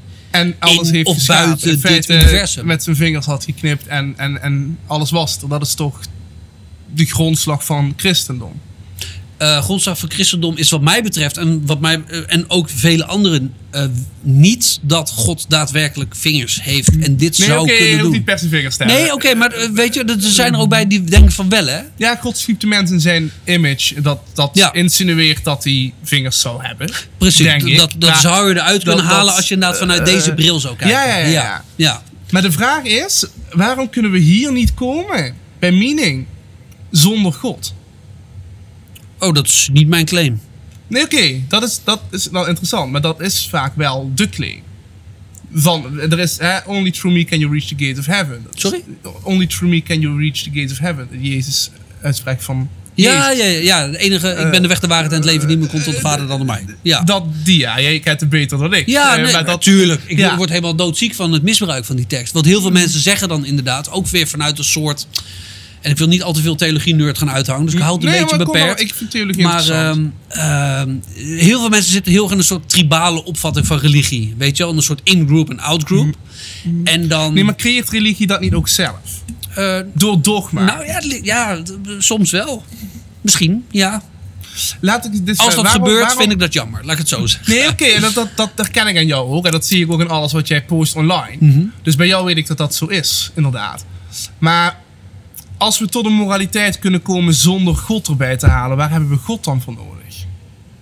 Als we zonder moraliteit kunnen komen, Ja. waar hebben we dan God nog voor nodig? Ja, in, in de vraag, ik, ik voel op een, een of andere manier dat in de vraagstelling al iets zit, waardoor ik denk de vraagstelling klopt eigenlijk al niet.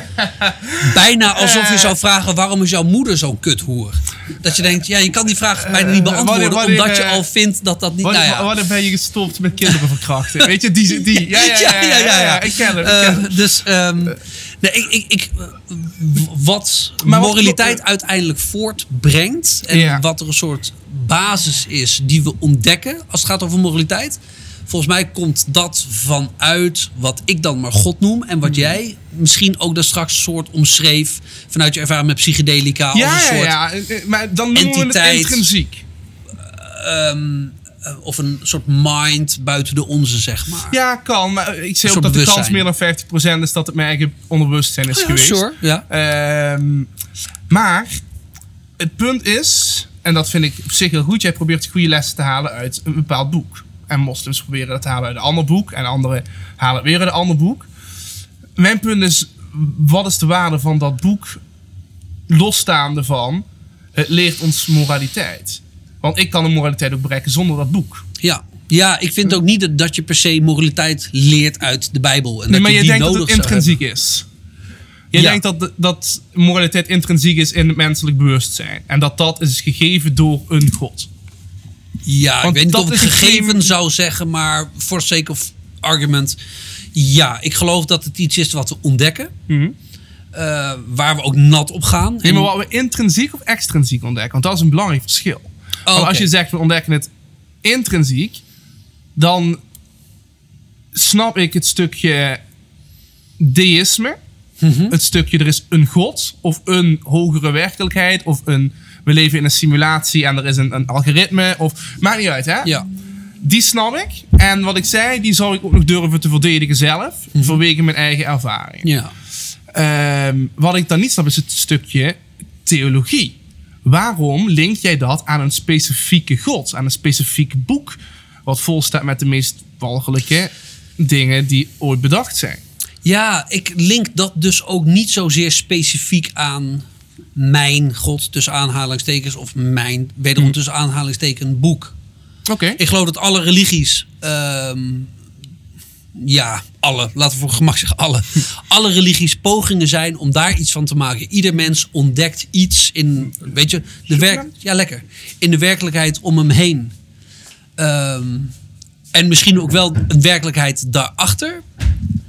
En die ontdekking ehm, probeert te cultiveren en vast te leggen. En dat is volgens mij wat religie doet. En religie ontdekt dan bijvoorbeeld. eh, ehm, ja, weet je, dat het goed is om voor je naasten te zorgen. Is een, even een hele makkelijke en een beetje een platte. En daar is ook een hoop op af te dingen natuurlijk. Eh, en, en dat dat vervolgens wordt opgeschreven, betekent voor mij niet. hé, hey, je moet goed voor mensen zorgen. Want ja, dat staat helaas nou eenmaal in de Bijbel en dat moet wel maar. La- la- laat ik het anders zeggen. Eh, ik zal niet zeggen het is waar, want het staat in de Bijbel. Maar het staat in de Bijbel, want het is waar. Er wordt iets ontdekt en dat wordt gecultiveerd en bijvoorbeeld opgeschreven. Of doorverteld. En dat maakt het uiteindelijk tot, ehm, tot waarheid. Maar het is niet zozeer van het is zomaar arbitrair wordt er wat opgeschreven. En dan bedenk ik, oh, het zal wel het woord van God zijn en daarom is het waar of zo. Dat, Nee, oké, dat, nee. dat, is, dat is heel goed om te horen. Ja, het staat en in de Bijbel, want het is... Dat is een belangrijk ja, verschil. Ja, ja. En de- er zijn veel christenen die dat trouwens omdraaien. hè? Die een hele, ik zou bijna zeggen, Koraneske opvatting hebben van de Bijbel. En vervolgens zeggen, ja, het is waar, want het staat toch in de Bijbel. Ja, ja literalisten doen dat continu. Ja. Mhm. En dat stoort me kapot aan. Wat, wat ik niet begrijp... Oké, dus bij jou is het... En als ik het verkeerd begrijp, moet je het zeggen, hè? Jij bent in het leven tot een bepaalde conclusie gekomen van wat goed is. En je vindt die conclusie terug in de Bijbel. En daar haal je dan een bepaalde kracht uit dat de Bijbel dan klopt. Ja, als, vind ik die laatste zou ik dan wel weer voorzichtig mee zijn. Maar inderdaad, ik ontdek zelf dingen. Maar als ik je- laat me je- inspireren door allerlei bronnen, waaronder de Bijbel. En ja, dan vind ik de Bijbel daar een, een, een uiterst zinnige bron. En staan daar dingen in waar ik het vaak mee oneens ben. Kijk met name naar het eh, Oude Testament natuurlijk. maar Testament, het ja. Nieuw Testament kun je ook nog dingen over zeggen. Eh, ja, tuurlijk. En dan is het ook, weet je, het is ook een cultureel boek. En het is natuurlijk ook een historisch boek.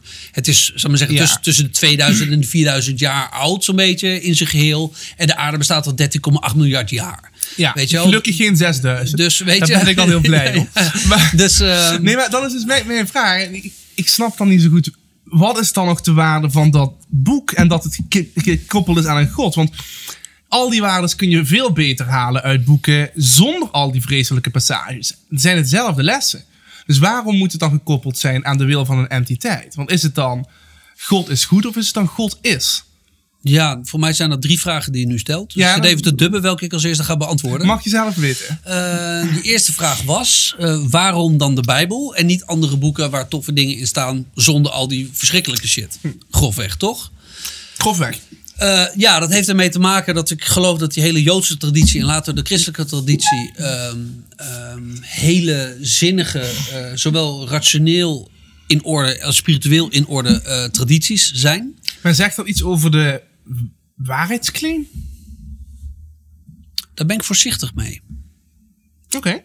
Want ik denk dat je op dit gebied het moeilijk kan hebben over waarheidsclaims. Zeker als je kijkt vanuit die materialistische bril. Want als ik dan zeg vanuit de waarheidsclaim, ja, ik zeg dat God bestaat. Nee, Krijg- zegt krijg je dat een beetje Russell zegt dat er- Steepled, Je, zeg je zegt wel dat er een specifieke God bestaat. Nee. Niet. Nee, Maar- er zijn heel veel mensen maar- zeggen, ja, er is toch maar één God. Ik zeg, er is God. Er is God, oké. Ja. Maar er, er is God en zijn zoon is Jezus Christus. Dus er is een specifieke God en een specifiek boek. Nou ja, die bestaan. Maar goed, eh, Mohammed bestond ook. Ja, ja, maar En Mohammed de- is niet de zoon de van Koran God. ook. Nee, maar het ligt eraan wat je bedoelt met de zoon van God. nee, nee, maar natuurlijk. zodra je zegt, ik herken Jezus als de, de Messias en als de zoon van God, dan link je, dan is er niet er is God, nee, dan is er de christelijke God.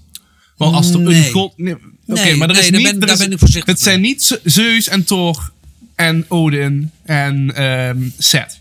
Die verhalen zijn gemaakt om iets zinnigs te zeggen over de werkelijkheid. Zoals dat ook met Ja, maar het Adonai, Elohim, niet hoe je hem ook noemt. Ja, ook. Ja, en, en, dan zou, en dan zou je het hebben over Hoe Adonai, de waarheidsclaim dan? Het ligt aan welke waarheidsclaim precies. oké. De claim, de waarheidsclaim was in welke is het? Want, als je, want je noemt jezelf een christen, toch? Of begrijp ik dat verkeerd?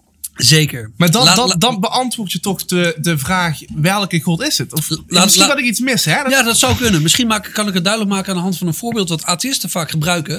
Dat is een bekende verhaal van de vier blinde mannen en de olifant.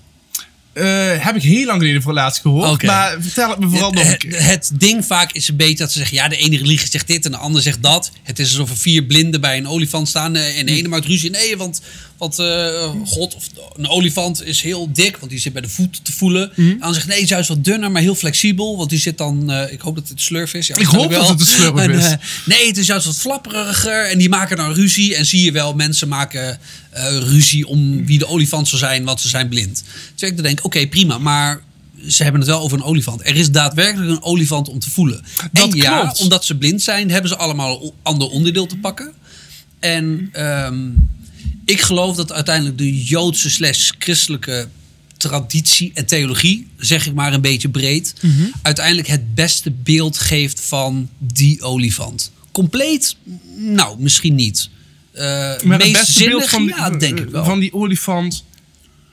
eh, Op welk gebied? Op, op de claim, er is een olifant en dit is hoe die olifant eruit ziet? Of op de claim, dit kunnen we leren van de olifant? Want dit Nou, kunnen we leren van de olifant. Daar hebben we eh, die vier blinde mensen volgens mij helemaal niet meer van nodig. Want we hebben gewoon het plaatje van de olifant tegenwoordig. Ja, en daar gaat de vergelijking dus inderdaad ook mank. Ja, ja. ja. Nee, tuurlijk, ja. En, en daarin geloof ik ook, zal ik maar zeggen, dat dan de, ik noem het dan maar even de christelijke traditie, de, de, de, de minst blinde man is. Die dus uiteindelijk het beste beeld heeft van die olifant. maar, maar zegt dat dus iets over de waarheidsclaim van de christelijke traditie? Dat is mijn vraag. Als, Nou, als, als, ik, als, als morgen met, een, met het perfecte maatschappelijk-economische systeem zou komen. En ik zeg vervolgens, dat heb ik gedroomd. En dat was een visioen van God. Ik noem meer gewoon God X. Ik pak altijd God Ja, ja, X. ja. ja. Zegt dat iets over de waarheidsclaim van God X? Of niet? Nee, dat zegt niks over de waarheidsclaim van God X. Nee, zo- zoals inderdaad ook de claim, de Koran is perfect. eh, Wat mij Dus betreft ook lachwekkende inderdaad claim. niet een bewijs is dat God daadwerkelijk zou bestaan. Nee, nee, maar dat is sowieso nog werkende claim. Komt ook, De komt ook dat de Koran niet zo heel bedoel, goed is. Nee, goed, niet, dat, niet, eh, niet, Sorry Hakim, gaan we nog een keer Nee, over ja, hebben. goed, heeft hij heeft hij gewoon gelijk in. Hij luistert. Hij mag een keer aansluiten bij ons drie als hij wil. Dan gaan we het daar zeker over hebben. Heel leuke vent trouwens, maar goed, dat tezijde. Ehm nee, we- weet je, ik heb moeite met, met, met je woordgebruik waarheidsclaim, want ik weet niet zo goed wat jij daarmee bedoelt. Als jij daarmee bedoelt, God bestaat zoals Richard Dawkins, Dawkins verwacht aan bewijs te krijgen. Een beetje kromme zin, maar je snapt wat Ja, ik ik bedoel. snap wat je bedoelt. Dan zeg ik ja, nee, die, waar, die waarheidsclaim maak ik ook niet. Nee, daar ben ik heel blij om. Maar jij maakt ook geen dogmatische claim. Daar ben ik ook heel blij om. Wat, is een dogma, wat zou een dogmatische claim zijn die ik niet maak? Ehm, ik, ik zou hopen dat je geen moeite hebt met het aanhebben van kleding wat gemaakt is van twee verschillende soorten stof. Nee, oké, sure. Ja, de Of- Levitisch, Levitische wetten en de, ja, precies, Deuteronomium. Ja, Ja. en zo, zolang je die waarheid... Dat, dat is, wat mij betreft is dat prima. En dat is ook de enige manier waarop ik religie ehm, van toegevoegde waarde kan vinden in een mensenleven. Als je er zo mee omgaat. Dus daar heb ik heel veel respect voor. Hè. Laat, ik daar, laat ik dat voorop stellen. Ik vraag me alleen zo erg af waarom dat dan gekoppeld is aan een bepaalde profeet. Ehm, omdat alles wat, wat je zegt, waar je waarde echt qua moraliteit. ehm, dat, dat, dat, dat, daar heb je die profeet niet voor nodig. Nee, weet je, en het is ook een zoektocht. En ook het Bijbelse verhaal is een verhaal in ontwikkeling natuurlijk. Weet je, zeker, ehm, Jezus heeft natuurlijk allerlei dingen gezegd over vroeger. En over, zal maar zeggen, de, de religieuze orde uit zijn tijd. Dat is hartstikke leuk dat jullie de regeltjes volgen. Maar de regels hadden een doel. Ja. Jullie gebruiken ze nu alleen maar als regeltjes om mensen uit te sluiten. En dat is nooit goed geweest. Nee. Ik weet niet wat Jezus specifiek zou hebben gezegd. Maar dat Over- is over interessant, twee- want twee regels van God, zouden die niet eh, cultuurloos en tijdsloos moeten zijn? De regels van een perfect wezen om naar te leven zouden niet meer moeten veranderen met de tijd. nou ja, als je een heel statische opvatting hebt van het universum, niet nee. Nee, maar ook sowieso niet, toch? Ik bedoel, als, als ik een perfect wezen ben en ik geef aan niet-perfecte wezens een set regels om naar te leven, dan veranderen die set regels toch niet na duizend jaar? Nou, ehm, ik, zeg, ik, ik, ik zal hier niet beweren van ja, dat gebeurt wel.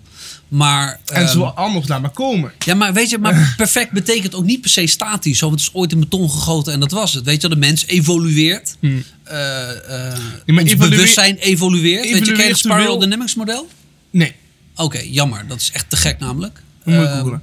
en dan denk ik dat mensen die zeg maar zeggen, in de lagere stadia van het Spiral Dynamics model Mhm. andere regels nodig hebben dan de mensen die zeg maar zeggen, een wat meer holistische opvatting, zoals jij dat waarschijnlijk hebt door je ervaring met eh, psychedelica. Mhm. eh, zou je andere regels nodig hebben. Nee, maar, ik ben- ik een kleine aanvulling nog.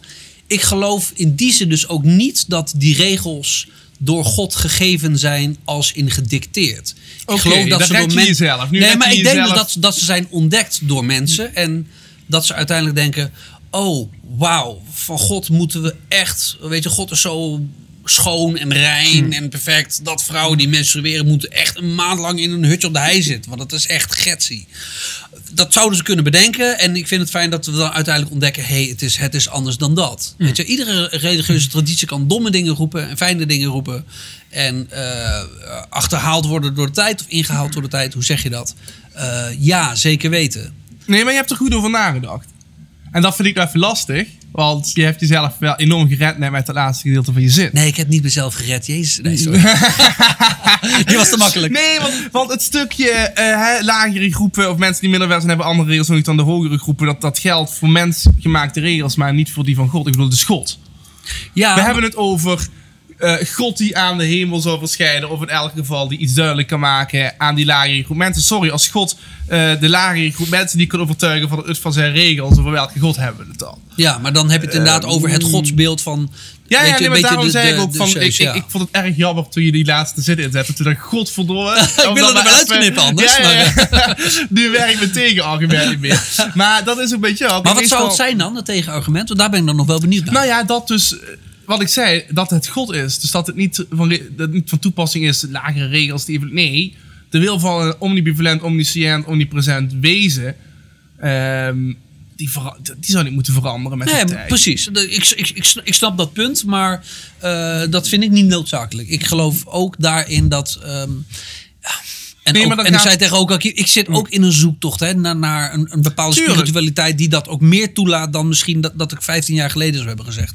Toen had ik waarschijnlijk gezegd, God wil is onveranderlijk. Dat zou prima Ja. kunnen, want God is altijd dezelfde. Maar altijd dezelfde kan ook betekenen altijd in ontwikkeling. Dan, dan ben je nog altijd dezelfde, maar niet statisch hetzelfde. Dus dat, dat nee, zijn wel als je, verschillende als je, dingen. als je God ben je met omniscient, alwetend, ehm, dan, dan weet je ook hoe het over 2000 jaar gaat zijn. En dan kun je dan op inhaken. Dus Precies. op, op die dingen dan denk ik altijd van, eh, het kan sowieso niet. Hè? Nee. Eh, vrije wil gaat niet samen met het omniscient wezen. Per definitie niet. En dan krijg je de discussie die we, die- ja, ja, die we ja. laatst hadden. Daar kunnen we het ook over, de vrije je-. Ja, Ja, dat is, ja, kun je met ja. alle informatie en oneindige rekenkracht en oneindige informatie de toekomst voorspellen. Ja, precies. En ik denk dan dus inderdaad van niet. Ja. Ik blijf het erbij van wel. Ja. Dat vind ik zo van voor de mensen die het tot nu toe hebben volgehouden. Overigens gefeliciteerd. Ja. Om mee te beginnen. Mark en ik hadden een discussie. Ik had een eh, vraagstuk gepost op Facebook waar ik zelf heel veel over na heb gedacht. En met vrienden van mij over na heb gedacht. En het vraagstuk was vrij simpel. Vrij simpel. eh, woordkundig vrij simpel in elk geval. Eh, als ik oneindige rekenkracht en oneindige informatie heb. En met de kanttekening oneindige niet-metafysische informatie. Dus niet de kennis van God. Oneindige informatie wat ik zou kunnen berekenen. Daar heb ik het dan over. Kun je dan de toekomst voorspellen? En over het antwoord zijn we het oneens. ja. Mark denkt van niet en ik denk van wel. Zo van zouden we in het geval van bizarre rekenkracht... Ja, bizarre rekenkracht- het weer eh, kunnen voorspellen alleen al. Ja, dat zullen we wel over eens zijn, denk ik, toch? Of ook niet? Nou nee, want is- iemand Jij denkt die, zal maar zeggen, uiteindelijk ervoor kan kiezen om heel erg met zijn handen te wapperen, zal uiteindelijk iets veranderen in... En jij zegt, ad je kan van tevoren al berekenen dat iemand dat zal gaan doen. Exact. Ja. Eh, eh, Dus als we toegang hebben tot alle variabelen, alle variabelen, maar niet de kennis van God, dus niet de metafysische kennis, Mhm. maar alle variabelen en we hebben een oneindige rekenkracht, kun je dan de toekomst voorspellen. En ik, ik snap niet waarom het antwoord op die vraag nee zou zijn. Ja, omdat- het is klaar als een klontje. Omdat ik in ieder geval de vrije wil ervaren. Laat ik het Ja, zo maar zeggen. oké, maar En dat- ervaart hem. Ja, nou, aan, eh, ervaren. Ik ervaren hem. dat ik Ja, een vrije wil heb. En je aanvaardt hem, je doet allebei feiten. Ja, ja, ik. Doe, ik doe ook mijn best om maar iets mee te doen. We hebben dat voorbeeld toen ook al genoemd, maar we gaan hem even herhalen nu. Hè? Ik vraag je nu een getal te noemen tussen 0 en 5. Jij zegt 3 of 2, maakt niet uit. Vervolgens gaan we 10 seconden terug in de tijd. Voor de rest alles exact hetzelfde, niks veranderd. En dat doen we een miljard keer. Dan zeg je altijd 3. Elke keer. Dus er verandert verder niks. Geen enkele variabele is anders dan eerst. Het enige wat er gebeurt is gewoon 10 seconden terug in de tijd. Jij weet niet dat we 10 seconden terug zijn gegaan in de tijd. Jij weet niet dat we dit al een keer gedaan hebben. Voor hetzelfde geld zitten we nu in een oneindige loop voor de rest van bestaan. Altijd. Voor een hele lange podcast. Een ook. hele lange podcast, ja. Ehm, zeg je altijd drie? Nu je hem zo klein maakt, vind, vind ik hem interessanter worden. Oké. Omdat ik dan denk, ja, inderdaad, in dat kleine tijdsbestek. Maar als hij daarin waar is, is hij altijd waar. Precies, dat, niet noodzakelijk, Nee, maar, maar dat dat, dat, werpt alweer die- wat meer licht in, in hoeverre die vrije wil eh, er dan wel of niet is. Maar ik, ik, kan niet, ik kan niet leven met het idee dat er geen vrije Maar wil dat is zijn. niet het antwoord op de vraag. Een, een, een, een, antwoord onplezierig Nou, vinden is niet hetzelfde nee, maar als het vanuit- antwoord niet willen geven. Dat Nee, is- sure. Vanuit, vanuit pragmatisch oogpunt natuurlijk wel. Maar vanuit zeg maar, zeg, metafysisch oogpunt of zo is dat inderdaad... Nee, is- determinisme. Is, is een heel, heel ander ding. Ja. Determinisme is een walgelijk concept, een heel eng concept. Hè? Ja, een heel christelijk concept ook voor volgens Eh, velen. Ja, nou ja, maar dat, dat vind ik dan dus raar. Want ik zie dus determinisme en vrije wil per definitie al niet samengaan. Dus, Humanisme en vrije wil nee, gaan niet samen. determinisme. nee, die gaan inderdaad. En er zijn Nee, hele, nee, hele ik, ik, zei niet humanisme, ik zei determinisme Oké, had ik Ja. over. Eh, maar ik denk een, een omnibivalente, omnisciënte God, omnibivalent maakt niet uit trouwens, ehm Ja, omnisciënte, omnisciënte Ja, God, ja, ehm, en vrije wil gaan niet samen. Om per definitie niet. Want als God alles weet, hoe kan jij dan ook vrij zijn om je eigen keuze te maken? Ja, maar daar hebben theologen natuurlijk een heleboel over te zeggen.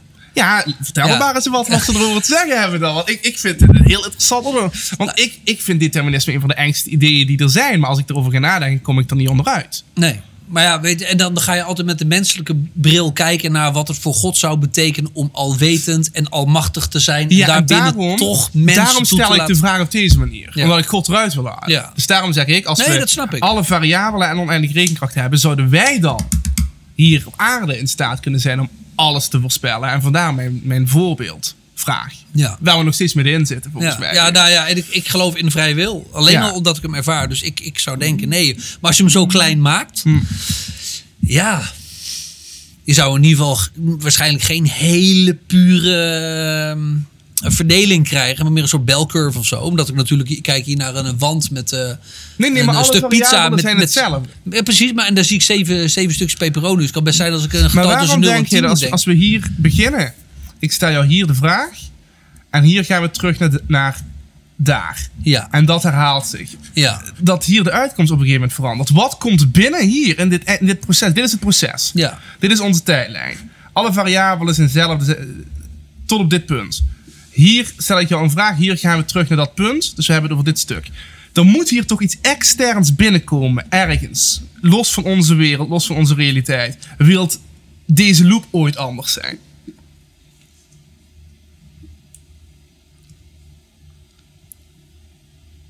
Vind het een interessante vraag. ja, weet je, ik, ik, kan, ik kan dan wel zeggen, dat is de vrije wil. Maar ja, ehm, is dat zo? Ja.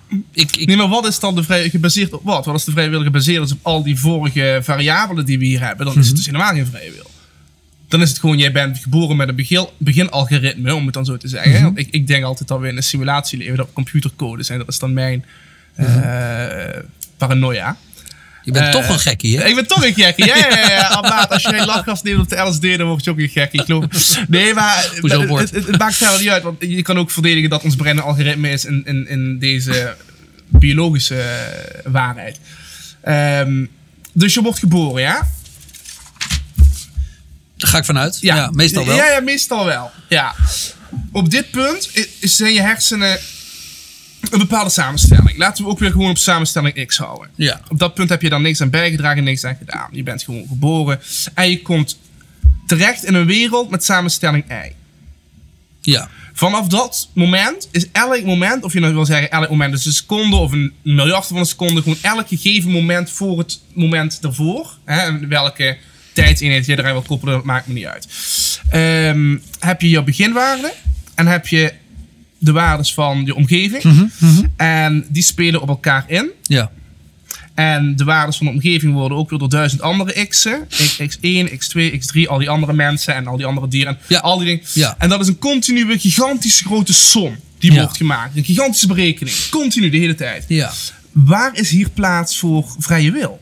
Of voor toeval? Oh, nou, precies. Ik wou dus net zeggen, of toeval natuurlijk. Wat, wat iets is Ja, maar wat... toeval is niet aan te tonen. Tenminste, toeval is, een- is Nou, een- toevallig las ik laatst. Nee, Ehm, nee ik, ik vind het een goede vraag. Bi- Binnen dit schemaatje zou ik dat dus inderdaad niet zo makkelijk kunnen duiden. Al zeg ik wel van- vanuit mijn eigen ervaring, maar ook vanuit praktische overwegingen. Moet ik gewoon die ruimte laten voor een vrije wil. En ik erken dat die heel vaak heel erg beperkt door allerlei omstandigheden. Sure, weet je wel. 95% van wat je doet, Maar doe dit is dus meer wishful thinking dan het eh, echt berust op ik kan dit beredeneren tot de kern. Want ik wil helemaal niet dat determinisme waar is. Ik vind het walgelijk. Ja. Ik vind het vreselijk. Het idee dat, dat er. Niet dat mijn toekomst nu al vast ligt, maar dat het wel berekend zou kunnen worden wat mijn toekomst gaat zijn. Ja. ja, ik vind het heel leuk dat je bijna een soort apologeet lijkt voor het determinisme terwijl je er zelf een hekel aan hebt. Dat ik vind ik het- heel Ik leuk. vind het een van de meest enge ideeën Ja. op de wereld. Maar het, dat doet ook wel niks met de waarheidsclaim. Hetzelfde idee als dat, dat jij het christendom een goede boodschap vindt hebben en een goede geschiedenis vindt hebben en die dingen. Dat dat niks doet met de waarheidsclaim van het christendom. Nee, ik, Ik en- vind het determinisme een walgelijk concept, maar het doet niks met de waarheidsclaim van Nee, determinisme, en- en dan omdat ik dat vind. En dan snap ik die vraag van de waarheidsclaim dus ook alweer iets beter. Mm. Ehm, en ik heb momenteel gewoon niet de parate kennis, nog de tijd om dat uit te stippelen. Maar weet je, ik, ik zou bijna zeggen, lees eens eh, iets over, van een goede theoloog. Weet je, liefst een beetje een oude. Weet je wel, of Ch- Chesterton is 100 jaar oud, of eh, C.S. Lewis. Of, Maar zegt hij iets over determinisme? eh, volgens mij is het een van de grootste onderwerpen binnen de theologie. Nee. Het hele determinisme. Weet God alles? Kan God alles? Wat staat Hij ons nog toe? En wat laat God toe buiten zijn wil om? Mhm. Nee, maar God is een beetje, toch weer, ik vind God dan weer een beetje de cheatcode. Want door te zeggen, God geeft ons vrije wil en daarmee is de kous eraf, je kan het niet begrijpen verder. Ja, maar dat, dat- Dat- de meeste serieuze een- zullen dat ook niet Dat is zeggen. een cop-out. Ja, ja. Nee, maar weet je, go- goede theologen of filosofen zo je wil, weet je, dat is, dat is vaak twee handen op één buik. eh, die hebben daar natuurlijk een heleboel over te zeggen. Ja. Eh, en ik momenteel niet zoveel paraat. Nee, nee, nee. Ik vind het een heel interessant vraagstuk. Eh, en in de grote lijnen denk ik, ja, weet je, als determinisme inderdaad waar is, weet je, dan kun je ook gewoon niet eens zeggen dat Hitler iets verkeerd heeft gedaan. het, is gewoon, het is gewoon een chemisch proces, meer niet dan dat. Ja, en dan ik, denk weet- ik, ik ja, weet niet, van, is dat zo? Want dat vind ik wel ook weer interessant. Ik ga ervan uit dat het waar is. Kun je dan geen moraliteitsvraagstuk meer? Is er immoraliteit dan sowieso een leugen? Of, ja, ik denk het wel. Want moraliteit ver- veronderstelt, wat mij betreft, wil. een keus. ja. Ja. Kiezen Ja. tussen goed en kwaad. En dat kan niet anders. Kijk, als dat puur een chemisch proces is. Stel je hebt een eh, reageerbuisje en dan gooi je wat eh, zetmeel in. Je gooit er jodium bij. Kan je niet boos worden dat het blauw wordt. Want dat Nee. gebeurt namelijk gewoon. Exact. Ja, en dat, dat is een chemisch proces. En ik, ik ja, Nee, dat ik geloof, zeg ik dan even maar, dat er dus iets is. En dat, ja, inderdaad, een beetje vage termen. Dat hou je dan. Waardoor je het wel kan kwalijk nemen. Ja, en dat noemen we de vrije wil. En ik, ik denk dat je gewoon op pragmatisch niveau daar heel snel uit bent dat er iets als vrije wil in ieder geval tot op zekere hoogte wel moet zijn. En ook heel snel dat er tot op hele grote Nee, maar hoogte moet het ook er zijn of willen we dat het er, dat het er is? En verdedigen we dat punt daarom zo, dat het, dat het er is? Want wat ik zei, ik vind Ah, dat- dit, dat- dit eens een walgelijk idee. Maar ik, Ja, maar in- in- ik deze drie- altijd op de persoon die mij kan overtuigen dat het niet zo is. Ik wil niks liever dan overtuigd worden dat dat niet zo is. Ik ga erop terugkomen. Oké. Ja, weet je wat? Ik ga... eh, Het zal eh, mij heel veel zorgen besparen als ik echt overtuigd kon worden van het feit dat, eh, dat determinisme niet echt is. Ik ga hem opengooien. Oké. Ik ga het ook eens op Facebook vragen. Ik, ik, ik hoop dat de luisteraars nog een beetje mee willen googelen. Eh, de, de, de beste argumenten voor de vrije wil tegen het determinisme. Ja, tegen het determinisme. En als het even kan, zonder al te veel bijbelse theologie. Of ja, maar God Ja. wil dat nou eenmaal. Ja, precies, want daar kan- daar kan niet van die kop bullshit. veel- Daar, nee, nee, daar, wordt niemand, eh, daar wordt niemand blij van. Ik heb er zelf ook heel erg over nagedacht. En ik, ik, Ik merk het. Eh, ja, ja, Ja, is leuk, Ik kijk dan naar bijvoorbeeld wat Sam Harris daar ook over te zeggen heeft. Hè. En het, het beste wat ik kan verzinnen is het, is het volgende. Dat is een beetje hetzelfde wat jij ook doet. Van ik noem dit proces hier, noem ik dan vrije wil. Ehm, ik, ik zou een vraag willen stellen aan, aan Sam Harris. Of aan iedereen die dit hoop dat hij feminisme luistert. verdedigt. Het zou leuk zijn. Sam Colby. Ehm, dat is de volgende vraag. Ik zou willen dat Sam Harris een wezen definieert voor mij. Dan mag hij zo vrij in zijn als hij wil. Dan mag hij zelfs God doen als hij dat zou willen. Met vrije wil. En hoe werkt die vrije wil in dat wezen? Dus ik geef je alle kracht om alles te doen. Want wat Sam Harris zegt is, over vrije wil... Alles valt terug te beredeneren naar gedachten waar je niet zelf de auteur van bent. De gedachten komen gewoon op in je hoofd. Waar is dan de vrije wil? Want je bent niet de auteur van je eigen gedachten. Dan zou ik aan hem willen vragen... Kun jij voor mij een wezen schetsen wat wel auteur is van zijn eigen gedachten? En ik denk niet dat dat zelfs theoretisch te doen is. Want auteur zijn van je eigen gedachten houdt in dat jij variabelen afweegt en tot een actieve gedachte komt, maar daar heb je alweer andere gedachten voor nodig om dat überhaupt mee te doen. Ja. En als jij, als ik jou alle theoretische vrijheid van de wereld geef om iets te definiëren, hè, zoals vrije wil, en het lukt je nog steeds niet, dan heb ik bijna zoiets van: oké, dan mag ik ook de kop-out gebruiken. Bijna, Ja. Bijna. Maar ik weet niet of ik er helemaal ben. Ik vind hem heel lastig. Ja, nee, en, en, en dat is het ook. Voor mij is het een van de grootste vraagstukken ooit ook. En wat ik zeg, weet je, ook binnen de theologie, wat, wat ik dan toevallig heel interessant vind, is er al zoveel over nagedacht en gedacht. En er zijn kerkscheuringen om geweest. Waar de ene zegt, weet je wel, ja, weet je, je ervaart zelf op een gegeven moment God en je kiest voor God. En de ander zegt, nee, God heeft jou al uitgekozen en bepaalt voor jou of jij wel of niet in God gelooft. Ja, dus ook, weet je, even heel simpel gezegd. En het wordt veel complexer dan dat. En daar is... eh deze boek over volgeschreven. Dus ja, dat, nee, eh, dat, is, eh, dat, is een, dat eh, geloof ik wel. Maar ik wil de vraag nou juist beantwoorden zonder God. ja, nee, snap ik. Ik eh, ga er nog eens een keer eh, goed in Ik ben echt benieuwd. En ik denk dat we uiteindelijk tot de conclusie komen dat als jij zegt, als jij zegt van nou, ik vind dit een hele plausibele verklaring, eindig ik waarschijnlijk precies. En ik noem dat nou God. Ja, ja, Ja, ja. ja, dat zou kunnen. Oei, oei, oei. Ik, denk, dit doe ik voor het eerst iemand een boek aanraden in de podcast, maar ik denk, Ah. ik, de- ik denk, de, de titel klinkt heel christelijk. The Best wel. The Universal Christ van Richard Rohr. Maar ik hoorde jou aan het begin iets zeggen over je ervaring met psychedelica en Ja. hoe mensen aan elkaar zitten en dat soort dingen. Ik denk dat jij dit boek echt te gek zou vinden. Want kijk. Oh. Dit gaat inderdaad over zal ik zeggen, de, de, het, het bewustzijn dat de onze overstijgt. En de, het verbonden zijn met de natuur en de lange traditie. En dat God er al was voordat de Bijbel er was, zeg maar. Weet je, dat hele vraagstuk. Ja, ja, ja. En ehm, hi- hier en daar gebruikt hij natuurlijk redelijk, redelijk christelijke taal. Ehm, maar alles wat ik jou aan kritiek hoor geven op, in dit geval de christelijke theologie, daar heeft hij ook kritiek op. Ja. Eh, Oké, dat is dus interessant. je, je zal vast niet gelijk een uh, Roriaans eh Franciscaan worden en het klooster Nou. induiken. Maar ik denk wel als je dit leest, dat jij denkt, ah, oké, het is niet mijn ding, maar ik vind het een zinnige, zinnige kijk op de werkelijkheid. Nou ja, ik zou één, één laatste, want we hebben niet meer heel veel tijd Nee, nu. nee, klopt. Ik, Eén eh, één laatste argument met je door willen nemen. Ja. Dat was ook al heel lang. Oh, we hebben die kaartjes ook nog. Oké, dan een heel snel het laatste Ja, dat, dat, kunnen we heel snel. Oké. Ik weet dus niet of, of jij dit argument zou aanhalen. Maar het, het argument, het enige argument wat een theïst nog echt overhoudt als het aankomt op hoe is alles ontstaan. eh, dat ze tegen ons zeggen, wij hebben geen antwoord op die vraag. En Oh ja. jullie hebben, wij hebben dat wel, want wij zeggen, God het. Bila zoals de moslims Ja. zeggen. Ja. Dan kunnen we teruggaan naar, als ik terugga naar biologische verklaringen, dan kom ik op, een, als ik met ver genoeg terug ga, kom ik op het punt van het begin uit. ja. En dan heb je, als je op dat punt bent, heb je maar twee mogelijke smaken. Of smaak 1, het was er altijd al. Hè, dus tijd en ruimte zijn, zijn pas ontstaan op het moment dat er iets was. Dus het heeft helemaal geen zin om de vraag te stellen, wat was er ervoor? Hè, want tijd en ruimte zijn toen pas gecreëerd. Je kan niet zeggen, wat was er voor tijd? Dat is geen nuttige zin. Nee, nee. Eh, of je moet dus zeggen, het is echt ontstaan door een externe bron. Dat zijn je enige twee mogelijke smaken die je hebt. Eens?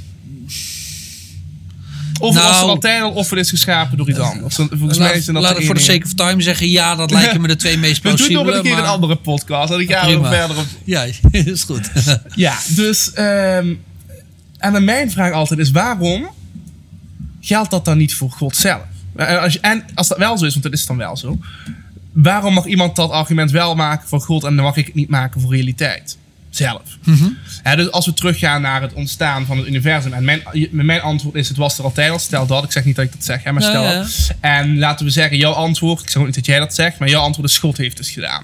Oké, maar dan ga ik dan terug naar: oké, en hoe, hoe bestaat God dan? ja. En dan, als je die weer terughaalt naar het beginpunt, dan heb je ook God bestaat altijd al. Of God is geschapen door een externe kracht. En dat kun je, dat kun je Ad infinitum kun je Ad dat halen. infinitum Ja, ja, kun, je, ja, kun je ja. dat doorgaan. Dus dan is mijn vraag altijd: waarom mag iemand dat wel doen voor God en mag ik het niet doen voor de realiteit zelf? Ja. En ik, mijn korte antwoord zou zijn, omdat jij je, eh, nou niet jij per se, maar Hm. jij, hè, even als type, ehm, vaak inderdaad vanuit een naturalistische bril kijkt naar dit vraagstuk. Ja. En dat iemand die zegt, ja, maar God heeft dat gedaan. Als ik weer kijk naar dat matter motion meaning verhaal. Iemand zegt, nee, we bekijken alles vanuit het matter, matter en ook motion stuk, zeg maar. Dus dit is materie en dit, is, dit zijn de dimensies en het verstrijken van de tijd. Dan mag je vragen, ja, maar wat was er dan voor die tijd? En het meaning vraagstuk, dus het meer theologische, staat daar, ik zal niet zeggen boven, want dat klinkt hiërarchisch. Dat is niet mijn punt. Maar staat daar relatief los van. Dus wat ze niet zeggen is, hey, er is binnen diezelfde waarneemlijke werkelijkheid een mannetje die dat heeft gedaan. Hm, nee, die maar staat het, het, is, het is het meer meta. Het is een meer van, van buiten afkijken. Want er is, er is iets dat tijd en ruimte overstijgt. Wij noemen dat dan God, maar dat is maar, niet per maar, se maar dat iets heeft zelf geen begin. klopt. Ja, maar dat is. Ja, en ik ben dus even voorzichtig om te zeggen dat het per se mijn standpunt is. Want eh voor mij is het vraagstuk nog iets complexer dan dat. Maar als iemand zegt, hé, hey, ik geloof dat God dat heeft gedaan, bedoelen ze niet het mannetje dat inderdaad met de spel de prikken dat heeft gedaan. Ja, dan moet je zeggen, wat was er daarvoor dan? Mhm. Maar de claim van God heeft gedaan is, in ieder geval als iemand een beetje een gezonde theologie of spiritualiteit heeft, zegt ook van, ik erken dat er iets is dat daar zo ver buiten staat, dat het bij hem, haar, het geen zin heeft om te vragen, wat was er daarvoor dan? Oké. Dus je hebt die oneindige, tijdloze, ruimteloze dimensie. Ja, jemig, wat een Nee, nee, nee, maar ik denk dat wolligheid altijd, van eh, God, eh, zeg maar. En daarbinnen ontstaat dan die werkelijkheid van tijd en ruimte. Dus matter en motion. Die Ja. bestaan vanuit die meaning. En deze twee zijn gebonden eh, aan tijd en ruimte en die bovenste niet. Maar als er geen leven meer in het universum is, is er dan nog meaning? Ook dat is een hele interessante Ja, vraag. ik denk dat wij nog een keer een tweede We podcast gaan een keer een tweede podcast doen en dan gaan we het alleen over theologie hebben. Dat is goed. Ja, dan gaan de mensen van tevoren alvast waarschuwen. want niet iedereen vindt dat leuk. Ja, ik wel. Ik we ben echt een drie mensen die gaan luisteren. Ja. Maar eh. Ik, eh, ik vind het goed. Ja, maar wel we vijf uur lang, dus ja, ja, sowieso. Nou, doe je kaartjes. De drie slotvragen, want eh, dan gaan we afronden. De eerste is: ehm, Vind jij dat er in de toekomst alles aan gedaan moet worden om iedereen in leven te houden? Over die alleen kunnen we een half uur praten, denk ik. Ehm, nee. Iedereen moet dood. En eh, Nee, nee. welk, feest, claim niet. welk feest mag voor jou nooit verloren gaan? En waarom?